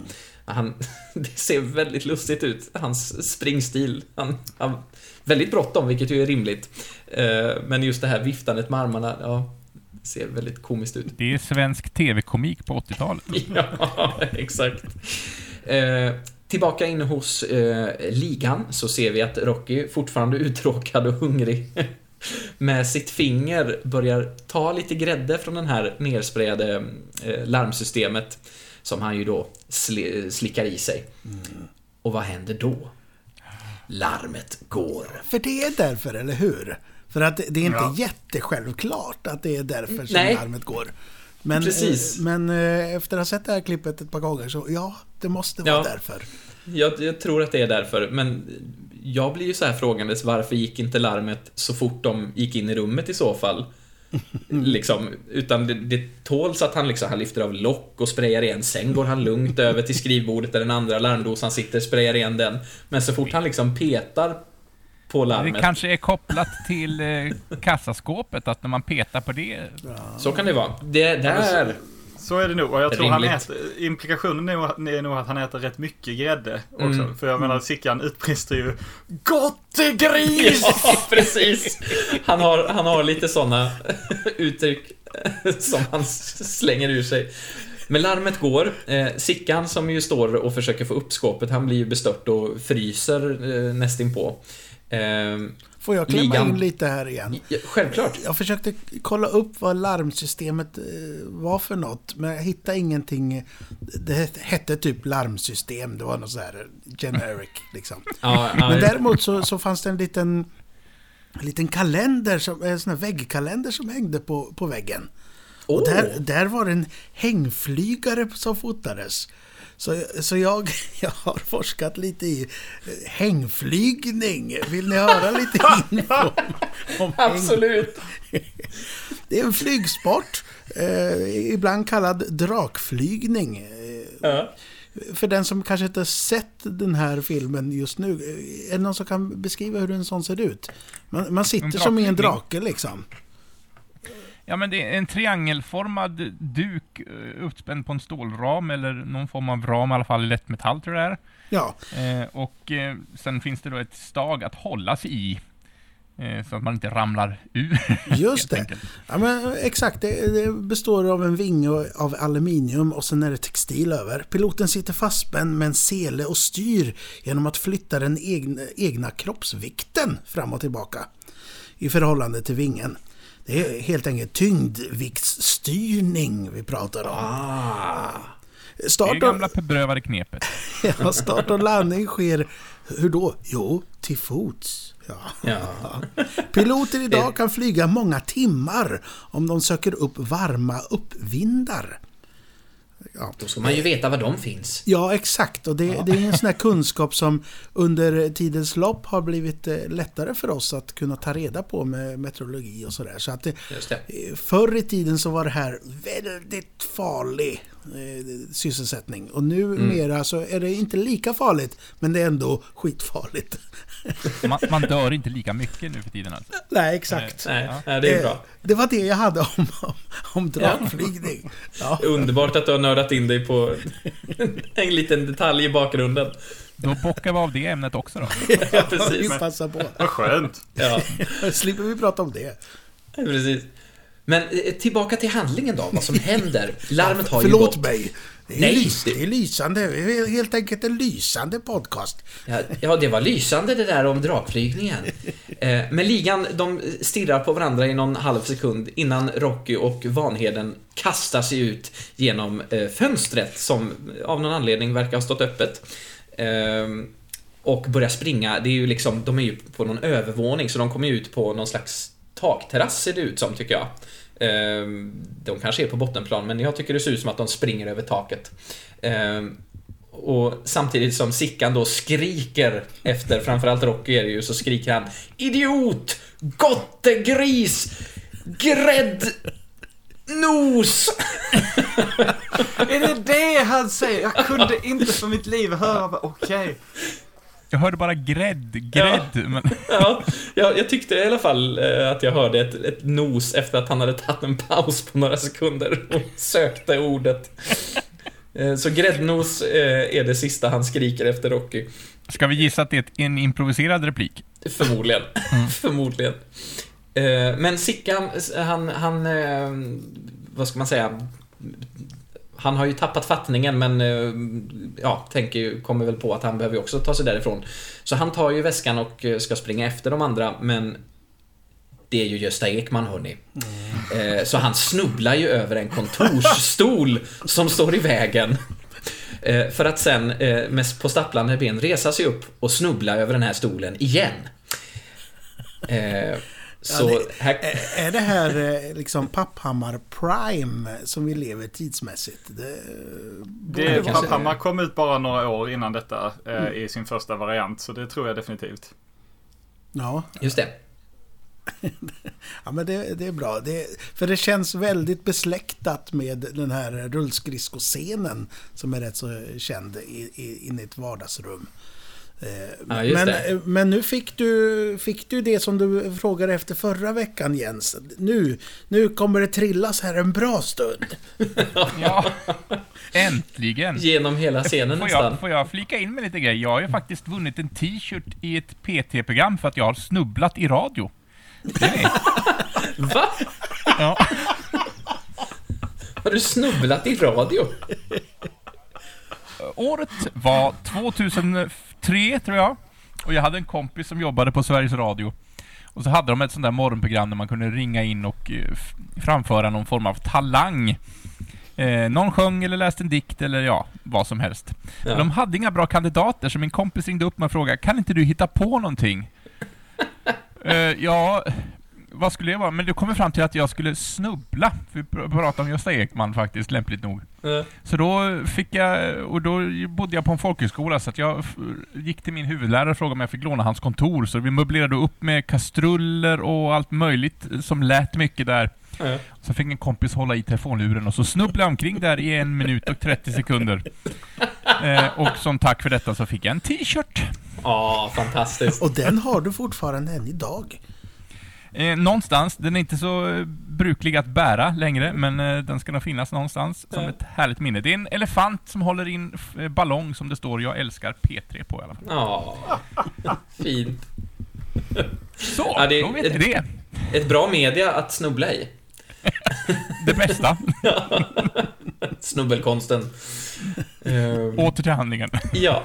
Uh, vi klipper till uh, korridoren som ligan tidigare har eh, strosat igenom. och genom den här korridoren i, i den här byggnaden, där springer ju... Ehm, Holm? Där springer Holm, ja exakt, med dragen pistol. Och han kastar sig in på kontoret och säger upp med händerna till Sickan. Men eh, Sickan, eh, han hör ju inte. Först på, eller både på grund av att larmet fortfarande går eh, och sen har han ju stetoskopet eh, intryckt i öronen. Eh, Holm upprepar sig eh, och larmet tystnar. Men eh, Sickan hör fortfarande inte och använder liksom stetoskopet det känns som i alla fall att han försöker lokalisera var det här ljudet kommer ifrån med hjälp av stetoskopet. Eh, och ser då till slut Holm som riktar sin pistol mot honom. Eh, och Sickan ler lite försynt, sträcker upp sina händer.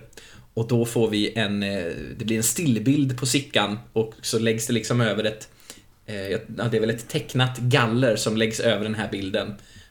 Och så börjar öppningstexterna att rulla och vi får bör höra början på det ikoniska Jönssonligan-temat. Och det är inte längre än så vi får höra, för där slutar våran lilla berättelse för den här gången. Ja. Exakt. Ja. Där har vi vad som händer. Nu är filmen officiellt igång i alla fall. Ja. Precis. Ja, men visst. Fantastiskt, hörni. det, ja, men jag, jag, jag, känner här att det finns en tystnad och då grabbar jag tag i den.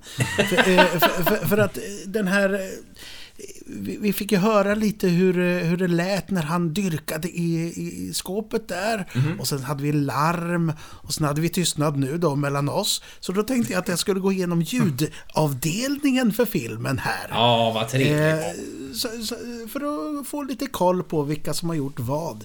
Jag försökte söka lite på de här namnen som står eh, creddade. Men det, det är svårt att få fram hur gamla och vad de gör och sådär. Ja. Men jag kunde kolla lite på vad de har gjort förut och vad de heter. Och vi börjar med min favorit här då. Jag har redan skaffat mig en favorit. Han heter... Eh, det, är den personen som eh, håller på med ljudeffekterna. Eh, ljudeffekter ljud står han för. Och det är mm. Darek Hodor. Oh, hold the door! Ja, exakt. Hold the door. Det är originalet där. Eh, Darek Hodor, ja, han är ju favorit bara för att jag tyckte det var roligt att säga ordet. Eh, han, eh, han eh, har gjort lite eh, ljudeffekter och så till film. Det är Varning för Jönssonligan, Dynamit-Harry också. Raskenstam och sen har Jönssonligan Guldfeber och Morrhår och ärtor. Men han är mest känd faktiskt för att han är klippare bildmässigt. Och eh, hans eh, första film tror jag, om jag inte ljuger nu rakt i, sändning här, det får jag ingen t-shirt för. Eh, det är Mio min Mio. Aha. Och sen eh, namedroppar jag lite här. Eh, Mallorca då också. God afton herr Wallenberg. Eh, Vendetta och nu äntligen får jag en anledning att be om ursäkt för att jag for med, med osanning när vi pratar om Hamilton. Det är ju inte den som Ardis är med och lägger soundtracket till utan det är ju Vendetta. Där. Eh, ah. med, med, vad heter han? Med, inte Peter Stormare utan, ja ja. Eh, ja. Ja. Ja, strunt samma. Ja, eh, det var om eh, den. Eh, Darek Hodor. Ja, han har fått en Guldbagge för bästa prestation inom bild också. Så han är... Ja. Sista riktigt stora grejerna är Ondskan och Strandvaskaren. Strandvaskaren oh, är rätt så trevlig ja. ja. Eh, ja, sen har vi eh, ljudklipp. Carina... Men vad du? Eh, mm? Förlåt, så, så, så du Hodor, han hade jobbat på Mio min Mio? Ja. Så då har, kan ju han kanske till och med ha spelat in John Harrisons röst. Och John Harrison är ju Joakim von Anka i DuckTales. Ja. Har jag, nämnt, har jag nämnt DuckTales i varje avsnitt. det är mycket bra. Känns mycket jätte, bra. känns jättebra. Um, ljud också, det är Karina En. Uh, känd, uh, känd för tv-serien Myggan, kommer ni ihåg det? Ni är ja. kanske lite för unga för det. det Oj, ja. Jo, nej, jag minns. länge sedan. Ja. Och uh, vi har i alla fall tur med vädret och sen är det ju varning för Jönssonligan och Dynamit-Harry så det känns som att de kanske var ett litet team där. Mm. Ehm, för Lasse Sunnaman, eh, Su Summanen, eh, har också varit med på ljudet där. Och han är mest känd för att ha gjort Elvis Elvis. Eh, mm. Maria Gripes berättelser som gjordes på film. Ehm, sen har vi en rolig person till här, den sista. Bengt Löttner. Och han är ljudmix. Han börjar sin karriär med, med Exponerad och eh, porr i skandalskolan. Oj, Mjukporr från 70-talet. Nej men gud. men sen gjorde han även Elvis Elvis och eh, Papphammar. Eh, och eh, Jönssonligan då. Och Pelle Svanslös. Som ju kom ut samma år, fick vi lära oss förra veckan. Ja, just det. Precis. Eh, så han hade en eh, pissig tid där 1981. Han satt och han fick nog inte mycket annat gjort än att sitta i studion. Men sen kunde han luta sig tillbaks och ta pa tidig pension efter det då? Nej, han, han är Nej. väldigt verksam. Han har gjort allt från Gröna Gubbar från YR, denna klassiker. Oh. Ah, eh, ja! och Mio min Mio då tillsammans med, med Hodor. Och eh, Dårfinkar och Dönickar. Eh, Joker. Åh, Simone. Barnens detektivbyrå och första kärleken, den där om den där döva flickan som, som en pojke blir kär i. En fin liten ah. tv-serie. Nej, men han var verkligen anlitad under 80-90-talet där. Eh, mm. Nu vet jag inte. För det står inte om, om personerna här eh, lever eller har gått vidare.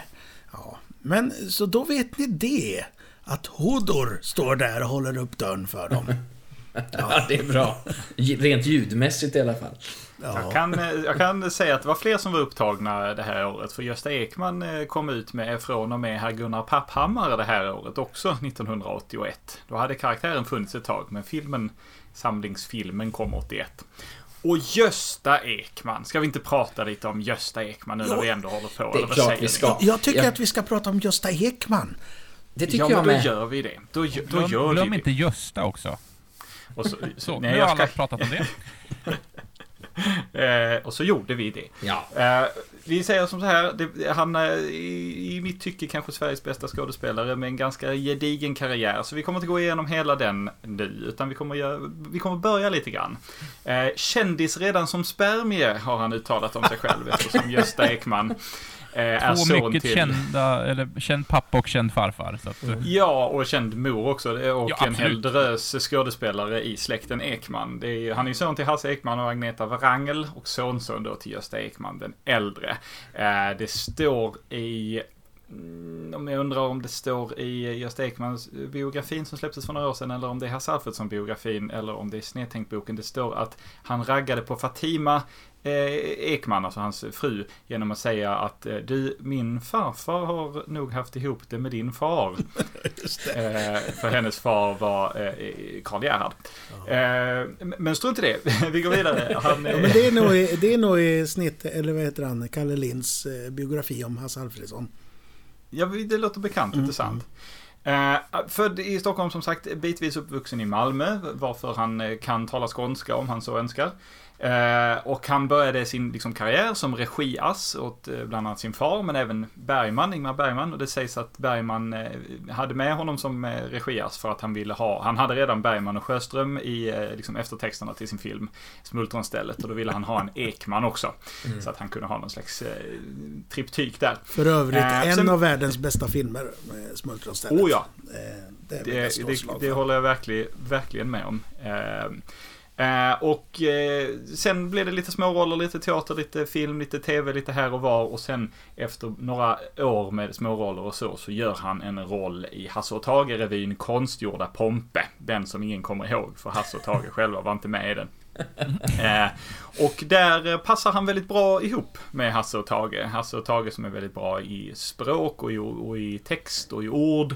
Får plötsligen en tredje som är väldigt bra, inte bara i det utan också i kropp. Någon som är väldigt duktig på att ramla och så vidare. Fysisk komik, funny bones. Och sen gör han tillsammans med Hasse och Tage Svenska bilder, Gula hund, att angöra en brygga, lådan, Spader Madame, i huvudet på en gammal gubbe, 88 Öresrevyn, bara regi där, Släpp fångarna loss, det är vår, Äppelkriget, Picassos äventyr, Mannen som slutade röka, Ägget till lös, Glaset i örat, Svea hund, Sopor, Den enfaldige mördaren och Fröken Flegmans mustascher. Åh, oh, snyggt! jag trodde jag skulle hålla... Vad sa du? Ja, sluta på topp där i Flegmans också. En fantastisk ja. scenproduktion. Han är magnifik i den. Mm. Jag är förgiftad! Ja. Och därför ska jag faktiskt ställa frågan, för jag har inte mer om honom just nu. Utan jag ska ställa frågan, från en Hasse och Tage-produktion, Gösta Ekman, favoritroll. Kan vi anta att det är Karl-Erik Vres Vresig för dig då, Jens? Eller har du en annan favorit? Alltså, det, sådär på att skjuta från höften här och välja en favorit är ju väldigt svårt. Men eftersom den dök upp så absolut är den i toppen. Eh, helt klart. Jag tänkte nästan det. Då valde jag åt dig, förlåt. Nej, men det, då, då blir mitt val enkelt. Det tackar jag för. Över då? Ja, eh, du kan gärna välja åt mig också. ja, men då blir det som, eh, som eh, Henrik Kissinger i sketchen Kissinger och Sadat. Eh, räl i gråda, som han spelar mot Hasse Alfredsson i eh, Glaset i örat. Där kommer skånskan fram också. Eh, eller är det Svea Hund? Jag blandar alltid. En. Jag har aldrig ätit så rälig gråda. Du ska få mina hemliga... han vill inte. Han är grådman i egyptiska marinen. Och Jones, vad, vad säger du? Eh, nu sätter du mig lite på plats här, on the spot ja. så att säga. Ja, eh, jag får väl erkänna något lite skamligt. Att jag har ju inte sett så himla mycket Hasse och Tage-produktioner eh, alls, faktiskt, ah. I mitt liv. Det har varit roligt att göra tre avsnitt med dig. Ja. Eh, så blir det inte mer. Så vi kommer, att, vi kommer att presentera, presentera, presentera min ersättare i slutet av programmet. Eh, men Nej, en av de som jag har sett är ju att anlägga en brygga. Eh, att angöra en brygga, men ja, just det. Ja, va? Att angöra en brygga. Att, exakt. Eh, den, vi såg den i somras ihop, eh, vill jag minnas. Eh, och jag sa hela tiden att anlägga en brygga och inte att angöra, så jag står fast vid den titeln. Men jag vet inte vad karaktären du, heter. Du kan ju inte rå för att de inte satte rätt namn på filmen. Exakt. Eh, ja, skammen är total hörni. Men eh, Gösta var väldigt, väldigt rolig där vill jag minnas.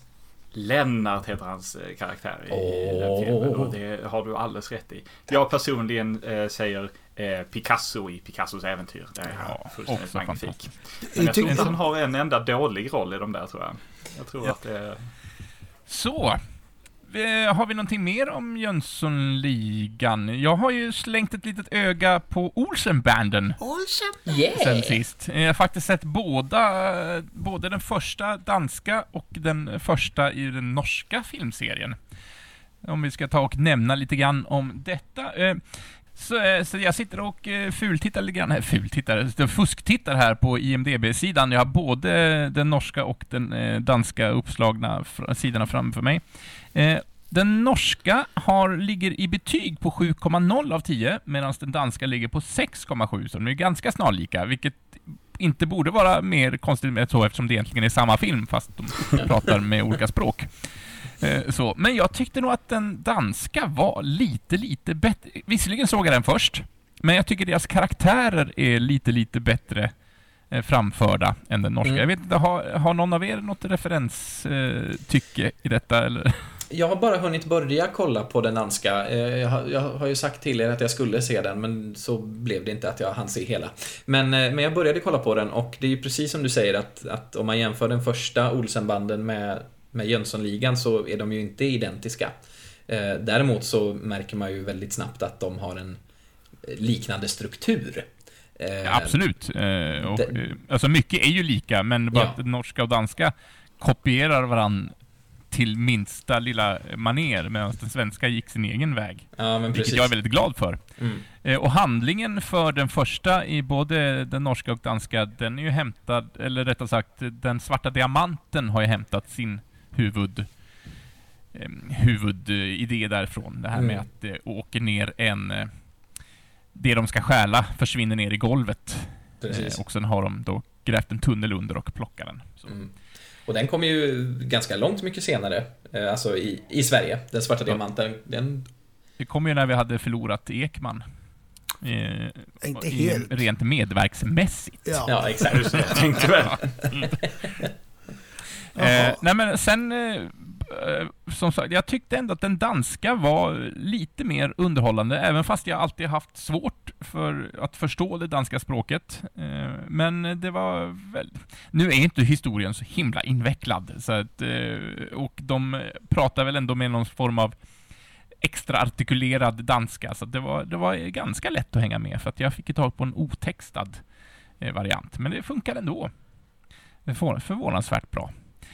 Eh, men eh, då Egon som är eh, våran Sickan hos oss, är ju ledaren för det här gänget, spelas av Ove Spröge. Jag vet inte om det var ett korrekt uttal, Jönsson? Jo då. Ja, vi- går på det. Och i Nor- Norge så är Arve Opsal som spelar Egon. Jag tycker att den norska försöker vara lite mer straight eh, i sitt agerande. Mm. De tar inte ut svängarna lika mycket karaktärsmässigt som den danska gör och det tycker jag de ty- tyvärr förlorar på. Så att, eh, s- om ni bara får, om ni får chansen att se båda men måste välja en, så se den danska. Så. Eller den svenska. Eller den svenska. Men nu, nu pratar vi Olsenbanden. Olsenbanden. Jaha, men, men hörde ni, är det, har vi bockat av eh, scen 3 nu då, tror ni? Jag tror Det det. tycker jag. Ja. Ja. Då så, nästa, eh, nästa vecka, eller nästa veckvecka, eller näst, nästa vecka, Nästa avsnitt. nästa avsnitt. Då kommer vi prata om Jönssonligan scen 4. Eh, 9.17 till 11.30 är minuterna där. Filmen börjar och slash välkomstkommitté! Utropstecken. Ja. Så bra, så bra. Men eh, programmet är ju inte slut än. Vi har faktiskt ett ämne till att bocka av och det här vet jag att du brinner väldigt för, eh, Moe, så att du ska få ta till orda alldeles, alldeles strax. Men du Vi ska Jens, prata om... Ja, eh, innan vi pratar om, om den här skivan, kan vi inte ta ett djupt andetag? det ska vi definitivt göra. Det. Vi kan göra det först och så Ja. presenterar jag ämnet lite mer. Ja. Är ni beredda? Inhale!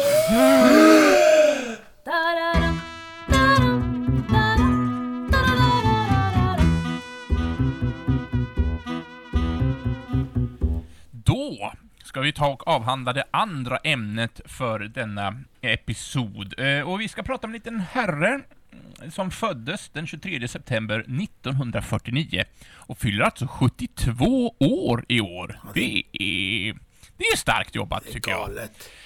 Ja, eh, och en person som varit aktiv som musiker sedan 1965, om jag har plockat fram rätt information och han har gett ut 20 stycken studioalbum och en av dessa studioalbum är det detta ämne ska centreras runt. Vi pratar om skivan Born to Run från 1975 av Bruce Springsteen. Så jag lämnar över ordet till dig Moe. Ja, och nu ska jag för försöka mig på med lite så halvbrett och grej här. Jag ska pratsjunga första texten här ur, ur, eh, ur, ur eh, Thunder Road. Den går så här. Screen door slams, Mary's dress waves Like a vision, she dances across the porch as the radio plays. Roy Orbison singing for the lonely. That's me and I want you only. Don't turn me home again, I just can't face myself alone again. Don't run back inside, darling, you know just what I'm here for. So you're scared and you're thinking that maybe we ain't that young anymore. Show a little faith, there's magic in the night. You ain't a beauty, but hey, you alright. And that's alright with me. Ja, visst, så börjar det hela. Bravo! Ja, visst. Ja, en liten applåd till dig. Applådera på det. Ja. jag vill flika in med att det här ska bli ett intressant ämne, för att det här är någonting som jag inte kan någonting om alls. Samma här. Samma jag kommer här. att bara överösas med kunskap i detta lilla, Ja, i denna del av över, programmet. överös gärna mig med, med lite frågor för att jag känner här att mina anteckningar är väldigt sporadiska. Men det är kul att han eh, i början här sjunger om Roy Orbison för han har sagt i någon intervju att eh, på den här skivan försökte han sjunga som honom. Och man hör det lite i hur han använder sig av magstödet. För innan det här så har det varit väldigt mycket att han har, och senare också, att han, han, han är känd för sin skrikröst som han, han nyttjar. Eh, Born to Run alltså. Jag, jag skulle hävda att det här är ett perfekt album. Och eh, det är också ett ämne som jag tänker att vi ska eh, prata om någon annan gång. Eh, just albumet, skivalbumets eh, liksom historia och vara och icke vara. Det gjorde jag en, eh, en, en, en sån här C-uppsats om som aldrig blev färdig. Så att, det var innan Spotify fanns, så att det har hänt lite efter det. Eh, men här etablerar han sig som låtskrivare på det sättet att han kommer utveckla, han eh, startar med att skriva så som han kommer utveckla sitt skriveri sen. Men han fortsätter ju även eh, med den världen som han började med på de första två plattorna. Det, eh, det finns låtar här som, som tar upp små tjuvar och det är stadsromantik och det är opera där ute på gatorna. Men eh, just bildspråket och settingsen och, och sånt, eh, det är något som man startar med här för kommande låtar. Ehm, och eh, Born to Run, den börjar ju med, med den här Thunder Road. Och det, jag, vet inte, vi vi fick ett litet brev va? Eller ett litet inlägg, Ja. eh, Jones. Det har vi verkligen fått. Eh, Det är dags för li- lyssnarbrev. Eh, Och då är det så här att eh, Fredrik Bettlar-Fredde Söderqvist eh, skrev så här. Thunder Road är ju en både kaxig och helt magisk öppningslåt. Det får ni gärna grotta ner er i. Ice. Nice! Ja, just det. Och det, det tycker jag är rätt så fint att säga just att det är en kaxig. För, den, för just Thunder Road, den, den tar upp... Eh, det är rätt så mycket rom, det är en romantisk text, det hör man ju redan från början där. Och, och även eh, bildkulisserna är väldigt romantiska. Det låter nästan som en sommarmorgon just med munspelet som börjar där. Eh, och här visar han ju vilken fantastisk munspelare han är. Och det, ofta när man tänker på munspel så tänker man på Dylan och bara låter som en respirator, någon som försöker liksom spela. Men, men Springsteen kan ju verkligen spela munspel på riktigt. Och det hörs verkligen med den här början och det här fina klinkspelet av Roy Bittan. Ehm, det är en låt om, om frihet. Om att eh, våga välja att leva, kanske tillsammans med någon och ta språnget liksom. Eh, han, säger det i texten någonstans att tar det lilla fast jättestora steget från din eh, lilla, lilla veranda till min bil. Liksom. Nu kör vi. Mm. Och bilen symboliserar såklart friheten, den amerikanska mm. världen här som han bygger upp. Eh, romantik, ideal, löften, äventyr och glädje. Och mitt favoritord, storhets. Det är inte så mycket vansinne, men det är storhets. Ja. om ni förstår. ja. Ja. Eh, hade Pettersson någonting om, om, eh, om just Thunder Road också? Jajamän! Eh, jo men som sagt, Niklas Pettersson det var ju den här, vår gemensamma eh, kompis från det verkliga livet också. Eh, och han har ju skrivit, han, först och främst ber han ursäkt för att han kommenterar i uppsatslängd. Eh, det ska han absolut inte be om ursäkt för, det är bara härligt. Han uttrycker, han uttrycker sin, sin kärlek till Bruce som är en favorit som har varit med honom sedan barnsben. Men han har ju skrivit då lite om varje låt på det här albumet faktiskt och om just Thunder Road skriver Pettersson så här.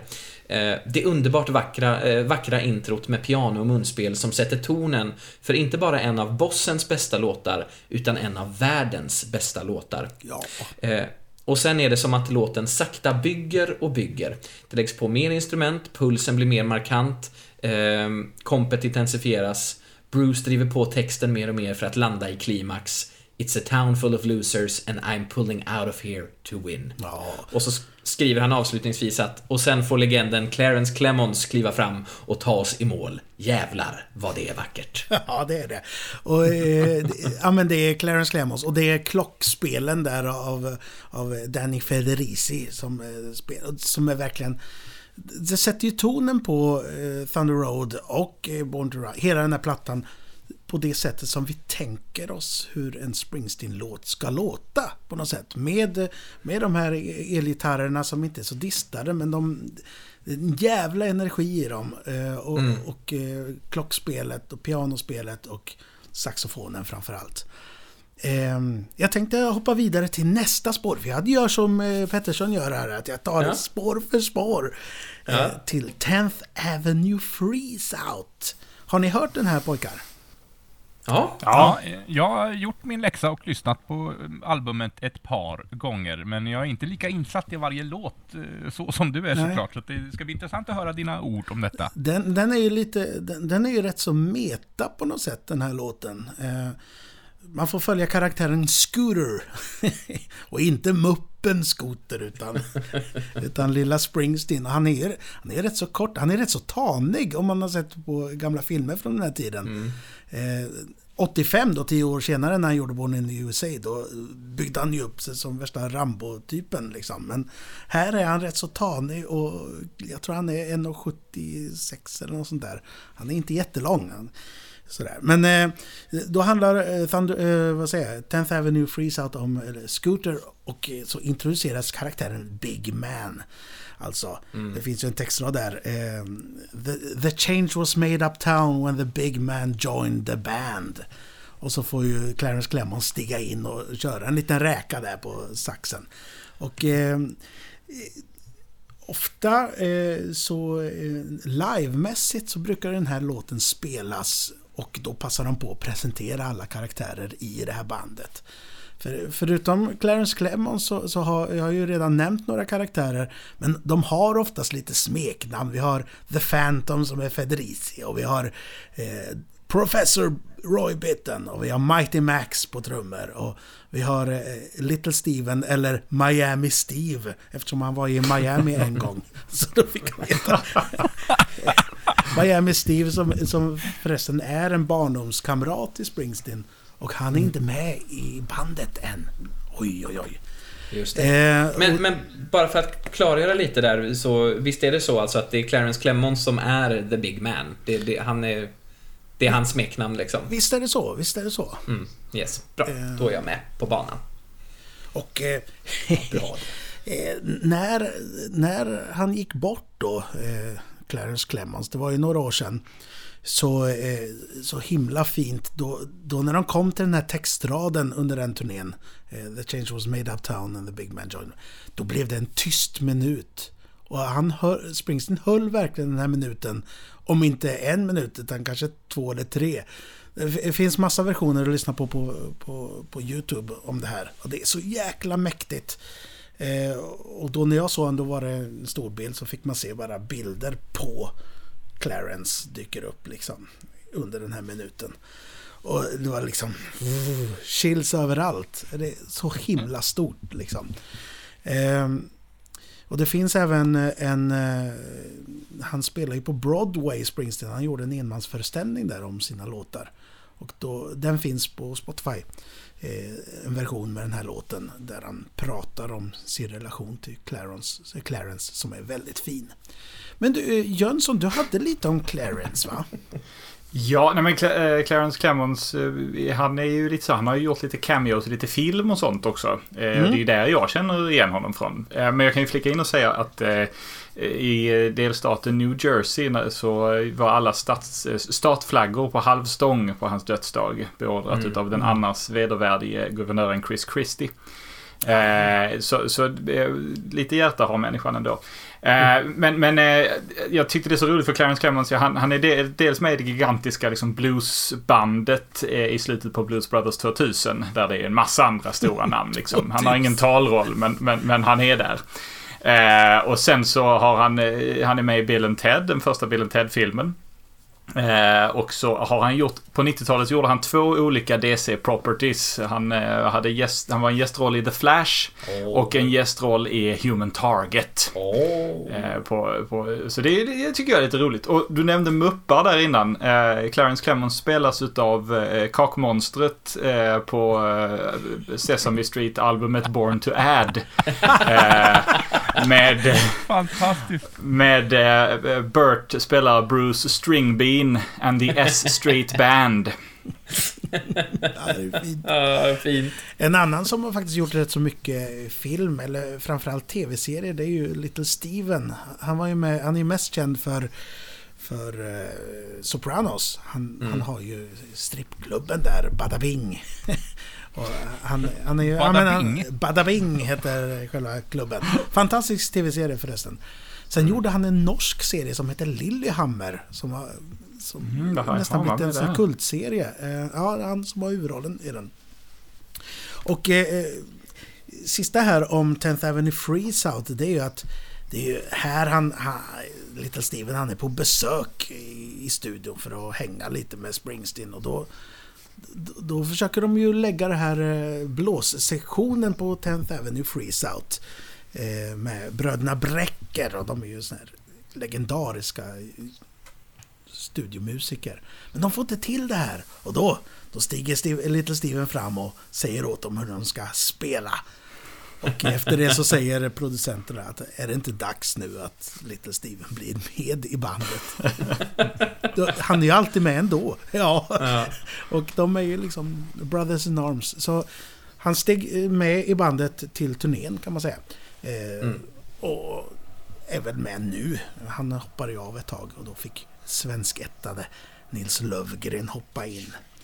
Um, då ska vi se. Uh, nästa låt är Night och den har inte jag så jättemycket att säga om. Uh, jag, tycker jag, den är, en... jag tycker den är fantastisk men eh, det är inte en av de stora låtarna på plattan. Jag har en Pettersson-kommentar.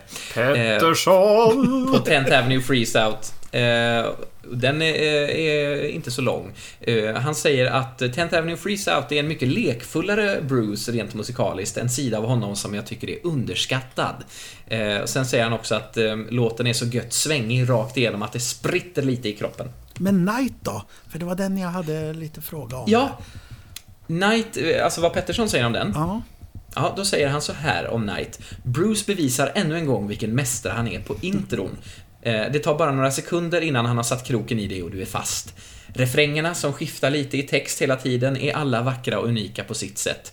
Det är ett grepp han ofta använder, att ha kärnan kvar i refrängen men ändå låta även dem utvecklas, bara för att, låta, bara för att föra historiens eh, låtens historia vidare. Ja. Just det. Ja, men det är gött. Det är, en, det är en bra låt. Men den är inte lika bra som nästa låt. Som är Backstreets. Och det är en av mina absoluta favoritlåtar. Den innehåller ingen saxofon. Ett tag så var det är nog därför den är min favorit, tänkte jag. Men Backstreets, alltså... Det är en sån kärleksberättelse och det är ett fantastiskt slut på första sidan, på eh, sida A. Ehm, Okej, rent tekniskt. Roy Bitter är fantastisk på pianot och, och Federici också. Eh, och Gary Talent spelar en bas som är... Mm, mm, vad bra! Det, är- den är så svängig i en annars rätt så lugn låt. Och sen så har vi ett fantastiskt bra reverb på rösten eh, i verserna. Och så går det över till att han skriker ut sin ångest i eh, refrängerna som bara består av ordet backstreet. Ah, I don't on the backstreet. Liksom hela vä- vägen runt. Det som är coolt är att, att, att man kan tolka den på så himla många sätt. Det är liksom, är det vänskap till den här Terry? Eh, eller är det kärlek till Terry? Är Terry en kille eller tjej? Ingen aning. Det kommer inte fram. Är det tre personer det handlar om? eh, är det liksom eh, en bästa kompis som har haft ihop det med eh, tjejen som han är egentligen tillsammans med? Och är det en triangeldrama där eller inte? Eh, jag vet inte. Och det kan få vara olika varje gång man lyssnar på låten tycker jag. Och det är det som är så genialt med hans låtskriveri. Att det kan få ta sådana vägar. Ehm, den här, alltså... Jag ska eh, citera lite från texten som jag tycker är så himla fint. Blame it on the lies that killed us. Blame it on the truth that ran us down. You can blame it all on me, Terry. It doesn't matter to me now. When the breakdown came at midnight, there was nothing left to say, but I hated it. I hated him, and I hated you when you went away. Oh, Bara åh, oh, god damn it! det, är så, det, är så, det är så starkt liksom. Ehm, Men eh, skulle du säga att liksom skivan, eh, den, den första låten på skivan är en mer peppig, hoppfull eh, så att det, på varje sida att det, det går mot något, något mer sombert, sorgligare. För det har jag hört lite beskriva eh, skivan som. Att det, det börjar peppigt och snabbt och, och går till något lite lugnare, finare. speciellt hoppfullt i, i, på, på första låten här. Eh, Ja, men Mm. absolut. Eh, Och här kommer liksom sommarnatten ikapp på något sätt. Eh, Det kan jag nog hålla med om. Och nästa sida börjar ju också rätt så eh, hoppfullt och liksom tar vi tag i det. Men eh, sista ord om Backstreets där. Det är rätt så gött att eh, under turnéerna runt 77-78 så så, så blev det ett litet improvisationsdel eh, mitt i låten. Eh, innan uppbyggnadet av låten så, så la han in och började impra text. Och detta här, härleddes till att det blev andra låtar till slut eh, av dessa texter. Och det brukar kallas för... Um, ah ja, strunt samma. Jag kommer inte ihåg vad de brukar kalla dem där. Men, men det är väldigt känslofullt. Och man bara... Den här, det här, dem, den här eh, bootleggen tycker jag är bäst. Fast den här är ju ändå bättre. Och den här... Och sen så går man tillbaka till grundinspelningen som är på den här skivan bara. Fast den är ju perfekt som den är. liksom, på något sätt. Ja, ja, men då går vi, vänder vi sida på skivan. Och då kommer vi till Born to Run. Vill du ha en Pettersson-kommentar först på Backstreets? Ja, det kan vi ta. Ja, då tar vi det. Eh, Pettersson säger att han älskar Roy Bittens uttrycksfulla pianointro i Backstreets. Eh, och sen säger han att det är så rått och underbart när Bruce skriksjunger raspigt i refrängerna. Just det. Ja, men Det det. då är vi på samma sida där. Jajamän. Born to Run är ju den första de spelar in eh, till den här skivan. Eh, och då hade de en trummis som hette Boom Boom Carter. Och sen hade de en, eh, en annan pianist också. Eh, som, eh, som slutade efter inspelningen av den här låten. Så de bara stack. Och det finns, eh, det finns en dokumentär som heter Wings for Wheels.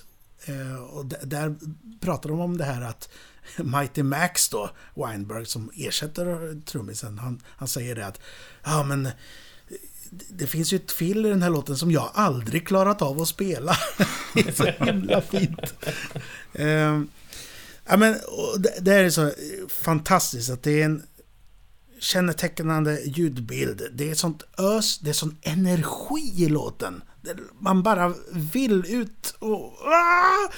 Ehm, och det är en stor låt som växer sig ännu större. Liksom. Så att ljudbilden i sista versen efter kaoset där, när han räknar in till 3, 2, 3, 4 och så börjar låten om. Och då finns även det här riffet med i versen. Och innan jag upptäckte att det var, aha, det är därför det blir sån jäkla eh, feeling just där. Det är att han verkligen binder ihop hela säcken på låten där och man bara är helt mörbultad efter att ha hört den här på riktigt hög volym. Och, och så, ah. Ja, eh, fantastisk bit. Eh, har Pettersson något om den här? Eller har ni någonting om den här? Det, för mig känns det som en fundamental Springsteen-låt på något sätt. Uh, jag kan, har verkligen inte hört mycket. Min favoritlåt av Springsteen är ju Sherry Darling och den är inte ens med oh. på den här uh, skivan. Men, men uh, det, det, känns som... Det känns som det är svårt att förklara, men det jag tänker på när jag tänker på en Springsteen-låt, då är det då är det det här. Liksom. Det, I både ord och hur musiken funkar och liksom all musik känns som att den är på väg någonstans. Eh, I en väldans fart. Eh, och, och, det är gött. Mm. Eh, men, men det, oh. djupare, analys, djupare analys än så kan du nog inte få utav mig. För jag, kan, jag, jag, jag är inte in, till, mer inläst än så. Nej. Jag kan ju bara hålla med. Jag, alltså, det är ju en fantastisk pepplåt. Ehm, det är precis som du säger Moa, att man, ja, eller så känner jag i alla fall, att, att det är så här, man får en god, härlig energi av den. Mm. Mm.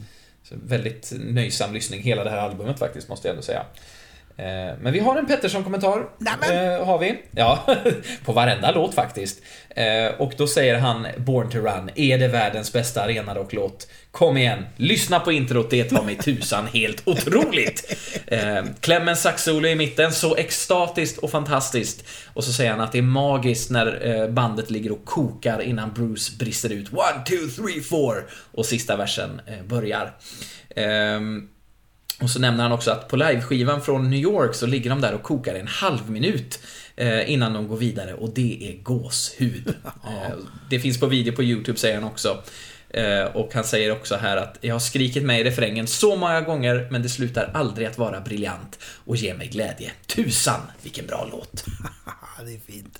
Jag tycker om den här Pettersson. Oh! Ja. men eh, hörrni, eh, jag tänker så här, jag ska inte bli långrandig. Jag tycker det är två låtar till här på She's the One och Meeting Across the River. Jag ska inte gå in så himla mycket på dem.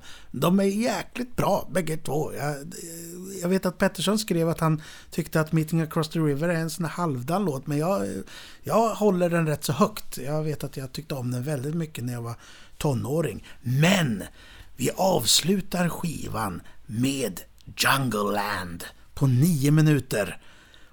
Holy shit! det börjar som en sån... Vänta, vad kallar du det Moe? Säg det en gång till. Holy shit, vilken låt ja, alltså. Ja, absolut. Eh, den börjar ju som en rätt så eh, rockig låt eh, och eh, pendlar mellan mellan rockigt och eh, rätt så balladigt liksom. Men eh, jag ska läsa till här, jag skrev så himla bra tyckte jag själv. Um, här visar Springsteen vilken stor berättare han är. Ja, eh, det har han förresten visat i resten av skivan också. Men författaren Springsteen här, eh, här med hjälp av E Street Band som även nästan spricker av berättarglädje. Ehm, Ja, det var inte så himla bra skrivet, så jag nu. Men det som var stort förut på skivan blir ju episkt här. Alltså det är en, det är en berättelse om småtjuvar och allt, allt möjligt. Ehm, och ehm, det är ett fantastiskt gitarrsolo som är, är nästan som en ensträngs... Bara rock'n'roll som övergår till det här saxsolot som, eh, som, som Clarence Clemons spelar upp till himlen. Han som, når som himlen tog... med den här saxsolot. Ja, det du? tog 16 timmar att spela in det saxsolot. ja, det är sjukt alltså. ja, eh, det är galet. Ja, det är, som sagt, vi nämnde den här eh, Wings for Wheels. Det, man ser ju där hur besatt Springsteen måste ha varit när han gjorde den här. Han var typ 24-25 år där. Och, 26 måste han ha varit. Ehm, men det finns ju något tillfälle som ljudteknikern eh, Jimmy Ovin, han, han sitter där och så berättar han att Springsteen bara efter att ha sjungit en grej eller spelat en grej bara Again. Ja. Again. Again. Han blev aldrig nöjd liksom. Eh, och, och, och det, det, visar sig i den här Jungle Land-låten på något sätt att eh, ja, han visste vart han var på väg någonstans. För att den här berättelsen på nio, nio minuter är Ja, det är så episkt. Det är, det är gott. Ja, eh, jag, jag tyckte nästan Jens sa någonting där. Hade du någonting att säga Jens? Eh, jag har ingenting att komma med efter detta mycket uttömmande härliga. Jag ska erkänna, eh, jag ska erkänna att jag har, eh, Bruce Springsteen har aldrig riktigt fastnat hos mig. Don't do eh, it! det känns som att jag kommer att svära lite i kyrkan här och det är absolut inte min mening. Eh, men jag, jag fick ju också länken till den här dokumentären som du tipsade om. Och när man tittade på den så, alltså, nog för att jag redan visste det egentligen, men han, vilken fantastisk musiker han är, han är och vilken perfektionist ute i fingerspetsarna. Som det blir väldigt tydligt där. Herr Springsteen är. Eh, och när du säger again and again and again, han, han gavs inte förrän så att det var, det var korrekt. Mm. Och jag förstår ju att han är älskad världen över. Jag tillhör nog tyvärr den lilla tråkiga musikindividen i så fall, för att jag har nog bara fastnat för hans riktigt stora mainstream-hits.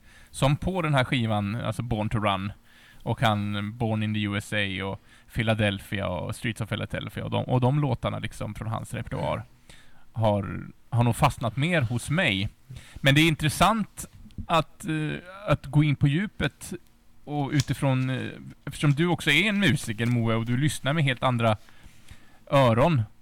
Och, och man också får höra Petterssons eh, små, små beskrivningar av varje låt så förstår man ju att det här är ett musikgeni. Sen mm. om man, om det fastnar i ens egna själ eller inte, det har ingenting med saken att göra.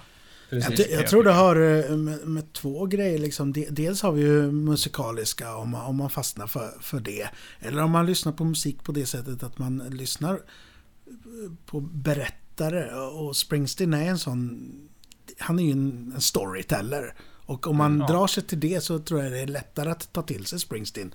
Men jag vet ju, det är ju verkligen en sån här det är jättemånga jag vet som inte alls tycker om Springsteen och inte alls förstår sig på det stora. Eller, eller ser, ser de här delarna av Springsteen som inte jag är så förtjust i. Och det är den bilden som de har av Springsteen som inte jag riktigt tar till mig. Som den här Arena Rocks, eller den här Born in the USA, hitmaskinen. Den kan inte ja. jag ta till mig riktigt lika väl faktiskt. För det är inte så intressant. Eh, och jag vill ju definitivt tipsa om den här dokumentären som du tipsade oss om att titta på, för att där eh, får man ju en inblick av Springsteen på ett väldigt mångfacetterat eh, sätt och man förstår ju Alltså man får en helt annan bild av Springsteen om man bara är van att lyssna på hans stora mainstreams hit. Mm. Så, så att, vem vet, Bruce Springsteen kanske växer på mig efter detta. Jag har lyssnat på hans skiva nu, Born to Run, och Alltså det, det är ju bra musik. Och det här med också att han är en berättare, som du nämnde Moa, jag har ju tänkt att, ja men, folk måste börja lyssna på texter. Ja. och, och då går jag lite mot mig själv, för att det, för fastnar jag inte för musiken så är jag svårt att lyssna på vad texten handlar om också. Men eh, man får nog försöka att gå ifrån det lite grann och verkligen bara lyssna det, men ah, det går lite hand i hand, ja, om man säger så. Man måste lyssna på både musik och text. Man kan inte bara välkomna det ena och sen ta det andra. Ja, det är sant. Eh, det är sant. Nej, men man ja, måste ju nu, gripa... nu babblar jag bara, men... Nej, nej, men jag förstår helt och hållet. Man måste ju gripas av någonting. Och, och bägge måste ju liksom appellera på något sätt. Eh, för att man ska mm. ja. det. Så, så, är det ju. Men du var också det... lite... Ja, förlåt. Det här är väl hans försök att nå ut till mainstreamen, är det inte så? Ja, lite... Eh, om man tar... Lite så. Han, han hade ju gjort två skivor innan som sålt helt okej okay, men inte så himla mycket. Men han låg ju på Columbia som var ett stort bolag då. Det är ju Sony nu för tiden. Eh, och det här var liksom lite hans sista chans att kunna få, få göra något ordentligt. Så han la ju alla ägg i en korg här, kan man ju lugnt påstå. Mm. Eh, och det, det, blev ju en succé så. Men den stora, stora succén den kom inte förrän tio år senare med, med Born in the USA. Det är då han blir... Mm. Då, som jag skrev till, till Joneskär. Man kan jämföra att det blev en sån här Batman 89-effekt. Det var ja, överallt. Man kan nog inte tänka sig det idag, liksom, hur stort det var. Men Born to Run var ju aldrig uppe där. Däremot så rock, rockpubliken fastnade ju för honom där. Mm. Sen eh, så ska, kan jag bara beröra lite grann att eh, producenten till den här, Mike Appel, han eh, slutar ju sitt samarbete med Springsteen efter den här plattan. För de kom i luven på varandra för att Mike Appel han eh, hade gjort så att Springsteen skrivit på eh, i, i, första kontraktet där för två skivor, eh, tre skivor sedan. Han hade skrivit på kontrakt om att eh, alla rättigheterna till låtarna ägde Mike Appel och inte Springsteen. Mm. Så de var ju i rättegång i typ tre år. Och nästa platta handlar rätt så mycket om, om det här uppbrottet mellan dem. Eh, ja. ja, det är känsligt. Men, eh, mm. ja, men det är, då, det är lite det jag menar också med Springsteen, att man måste vara beredd på att han är en sån artist som verkligen vill berätta någonting och inte bara, ja men nu har jag, nu har jag ett beat här och så jag, slänger jag på lite lätt trallvänliga eh, låttexter som jag absolut jag kan tycka om att lyssna på sånt för att det är avslappnande och man behöver inte tänka så mycket. Springsteen är ju mer en artist där du måste aktivt vara med på hans resa för att kunna uppskatta det till sin fullo. Och jag har nog varit lite för lat där. Mm. Eh, men bra. jag är ju bara, jag är ju bara 43 och kan absolut eh, tycka om andra saker. Det är inte slut med livet än. Nej, exakt va. Exakt. Men, men du Jones, du, du ja. Eh, tyckte om det här. Du hade inte heller lyssnat så mycket innan va? Nej, precis. Alltså lite som Jens där. Det är klart att man, man har hört vissa hits liksom. Och Born to Run, själva låten Born to Run har jag ju hört tidigare. Men inte lyssnat på albumet i sin helhet och, eller så mycket på Springsteen generellt så. Eh, jag tyckte jättemycket om det, även om jag skulle ju inte ha kunnat gjort en sån här djupanalys som du och, och Pettersson har gjort eh, till exempel då. Men, men jag fastnade för det och som jag skrev till dig eh, tidigare i veckan eh, så tror jag att jag kommer nog börja lyssna mer på, på Springsteen framöver. Eh, Korståget är slutfört. ja, precis. Men jag tänkte skjuta in lite bara om, eh, om bandet. Mm. Om det är okej. Okay. Jag ska bara ta fram eh, min anteckning. Här har vi den. Eh, för Springsteen är ju som sagt inte själv. Han har ju ett band med sig och bakom sig. Eh, och de heter ju E Street Band. Och då blev jag lite nyfiken på just namnet, var det kom ifrån. Och bandet de grundades ju 72 men namnet kom ju först här vid 74. Eh, med ursprungliga medlemmar, vi har varit inne på flera av dem redan, men Gary Talent, Clarence Clemons, Danny Federici, Vinnie Lopez och David Sanchez. Eh, och själva namnet E Street eh, Band, det är taget från just en gata, E Street, i New Jersey, där Sanchez mamma bodde. Och där i hennes garage, där repade bandet väldigt ofta. Eh, så därifrån kommer själva namnet, men ironiskt nog så hade David Sanchez lämnat bandet då det fick sitt namn. Eh, så personen eh, som namnet, man ändå kan säga att namnet kom ifrån, han var inte längre med i bandet när namnet etablerades. ja. David Sanchez är en fantastisk musiker. Han har gjort lite soloplattor och sånt. Han fick, mm. han fick ett skivkontrakt på ett annat bolag då när de gjorde den här skivan. Så det var mm. därför han hoppade av. För att, mm. Han höll på mycket mer med, eh, med lite, jag tror det var lite fusion jazz under den tiden. Och sådär. Mm. Eh, så att han hade annat att styra med. Eh, det var tråkigt, men han dyker upp då och då. Ja.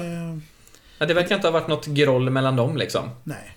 Utan och, det var bara... På något sätt så är ju just den här Born to Run-plattan är ju den skaran människor som är med i det här bandet, det är det som man tänker i Street Band. Men före och efter har det varit massa musiker. Vi har ju mm. Vinnie Mad Dog Lupus där som, eh, han fick ju sparken för han slog en trumpetare på käften under en konsert, sägs det. Jag vet inte hur sant det är. Men... och sen... Det har vi eh, alla gjort. Det har vi alla ja. gjort. Han är ju jätterolig. Han är ju som Animal på riktigt. Om man har sett honom på film. Han spelar på symboler och, eh, ja men han har mycket jazzigt eh, spel. Ja. Och inte alltid ja. tight. det ökar och det svänger. Som bara, men ex, vad säger man? Expressfull. Uttrycksfull. Ja. Uttrycksfull ja. ja. Sen har vi ju... Expressfull har jag också varit. ja, eh, ja, men ja. Det, det, har kommit och gått lite folk. Nils Lövgren nämnde vi förut och sen så har vi mm. Patti Skalf och hans fru är ju med sen många, många, många år. Sen 85 tror jag. Och sådär.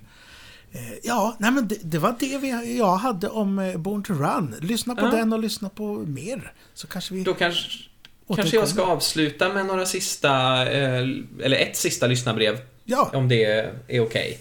Eh, Pettersson har ju såklart prisat de eh, tidigare låtarna, eller de sista låtarna där, She's the one, Meeting across the river och Jungle Land. Eh, men sen har vi också fått från eh, Linus Strömberg, ett namn som vi har nämnt tidigare i den här podcasten. Eh, han skriver att han också är ett helhjärtat Springsteen och E Street Band-fan. Och han lyfter just det här som du tog upp Moe, med det här trumfillet som Boom Boom Carter gör i Born to Run och att Max Weinberg aldrig kunde liksom replikera det. Eh, det tyckte han var, det är så här rolig nördfakta tyckte han. Ja. Eh, och så önskar han oss lycka till. Ja, det var fint. Ja. Vad trevligt. Trevligt, trevligt. Ja, eh, jag vänder mig lite till dig Moe. Är det något mer du vill förgylla vår kunskapsbas om ja, kanske inte Springsteen, för då kanske vi pratar om i evigheter, utan det kan vi ta en, en, annan gång. Men just om skivan Born to Run, eftersom det är den vi koncentrerar oss på. Det, det har ju, vi har ju inte nämnt alls att den har ju världens tuffaste omslag. Ja, det är snyggt. Jag försöker hitta min t-shirt nu för jag har ju skivomslaget på tröjan men jag vet inte tusan vart den är. Jag har nog, jag har nog druckit bort den. Nämen. Aj, aj, det kan aj, vara så. Eh, Var det då du blev expressfull? ja, exakt. ja, nej, jag har inte så mycket mer om den just nu. Det, eh, det, finns en box som kom för några år sedan med den här dokumentären Wings for Wheel och eh, konserten från eh, från London det året som är suveränt bra. Eh, det kan jag rekommendera. Den boxen är mm. riktigt bra. Eh, nej, annars tänker jag att vi, vi kan väl bara göra li, lite reklam för nästa vecka. Eller näst, jag säger vecka här. Näst, nästa ja. gång vi ses. Nästa avsnitt. Nästa avsnitt, ja. Nästa. Absolut. Nästa då ska vi, vi ja. Då ska vi ta oss an två stycken eh, tv-serier Mm. faktiskt. Eh, lite liknande karaktär, men ändå åtskiljande. Och eh, man får absolut som lyssnare, eh, ni har ju hört att vi har lite lyssnarbrev här också, men ge er in i diskussionen och tyck till och kom med era minnen eller eh, era lovord eller era, kan till och med hatramsor om det skulle vara så. Det är absolut. intressant att höra allas eh, aspekter. Men de saker vi ska ta upp nästa gång är dels Buffy the Vampire Slayer. Och då pratar vi om tv-serien med Buffy! Sarah Michelle Gellar. Och, och, inte så mycket om filmen antar jag, eh, som Rutger Hauer var med i bland annat. Kanske nämner den lite Men vi grann. kanske nämner den lite grann också. Ja. Men, ja, vem vet. Och sen ska vi in, i alla fall i min barndom, eh, i en tv-serie som jag inte riktigt fattar nu i efterhand varför jag gillar den så mycket. Men då var den fantastisk när jag var liten pojk och det är Star Singer som också är en önskning för en av våra lyssnare. Så Jajamän. ta och titta lite närmare på. Ja, det, det, blir intressant. Det var länge sedan jag såg den här serien.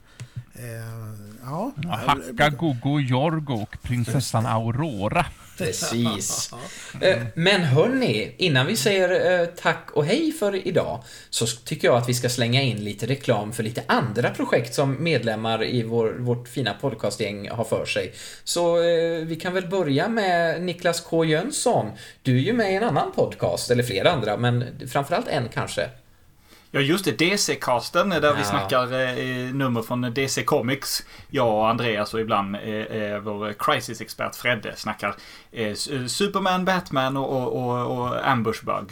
Alla de härliga DC-karaktärerna. Som vi känner igen. Som alla känner till och älskar. Som alla känner till, precis. Ja. Nej, men det, det, kan jag varmt rekommendera. Väldigt trevlig podcast att, att lyssna på. Eh, sådär härligt nördigt. Och den hittar man där man hittar poddar, antar jag? Man Exakt. Vara, mm. Ja, det finns, det, det finns lite massa. överallt. Ja. DC-casten.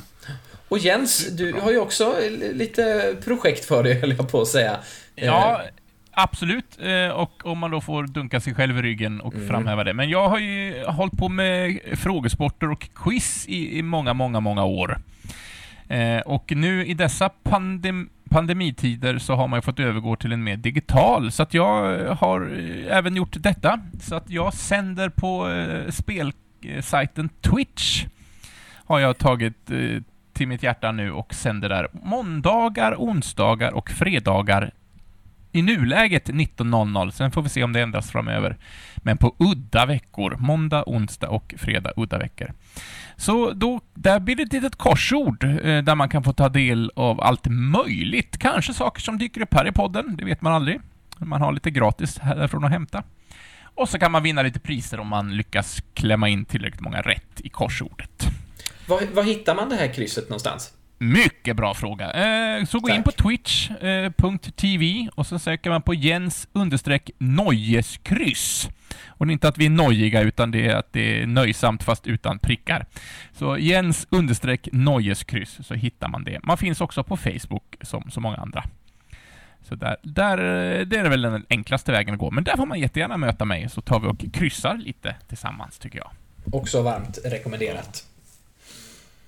Ja, härligt. Så, eh, har, ja, Moe, har du någonting att tillägga? Har du något intressant projekt igång, på gång förresten?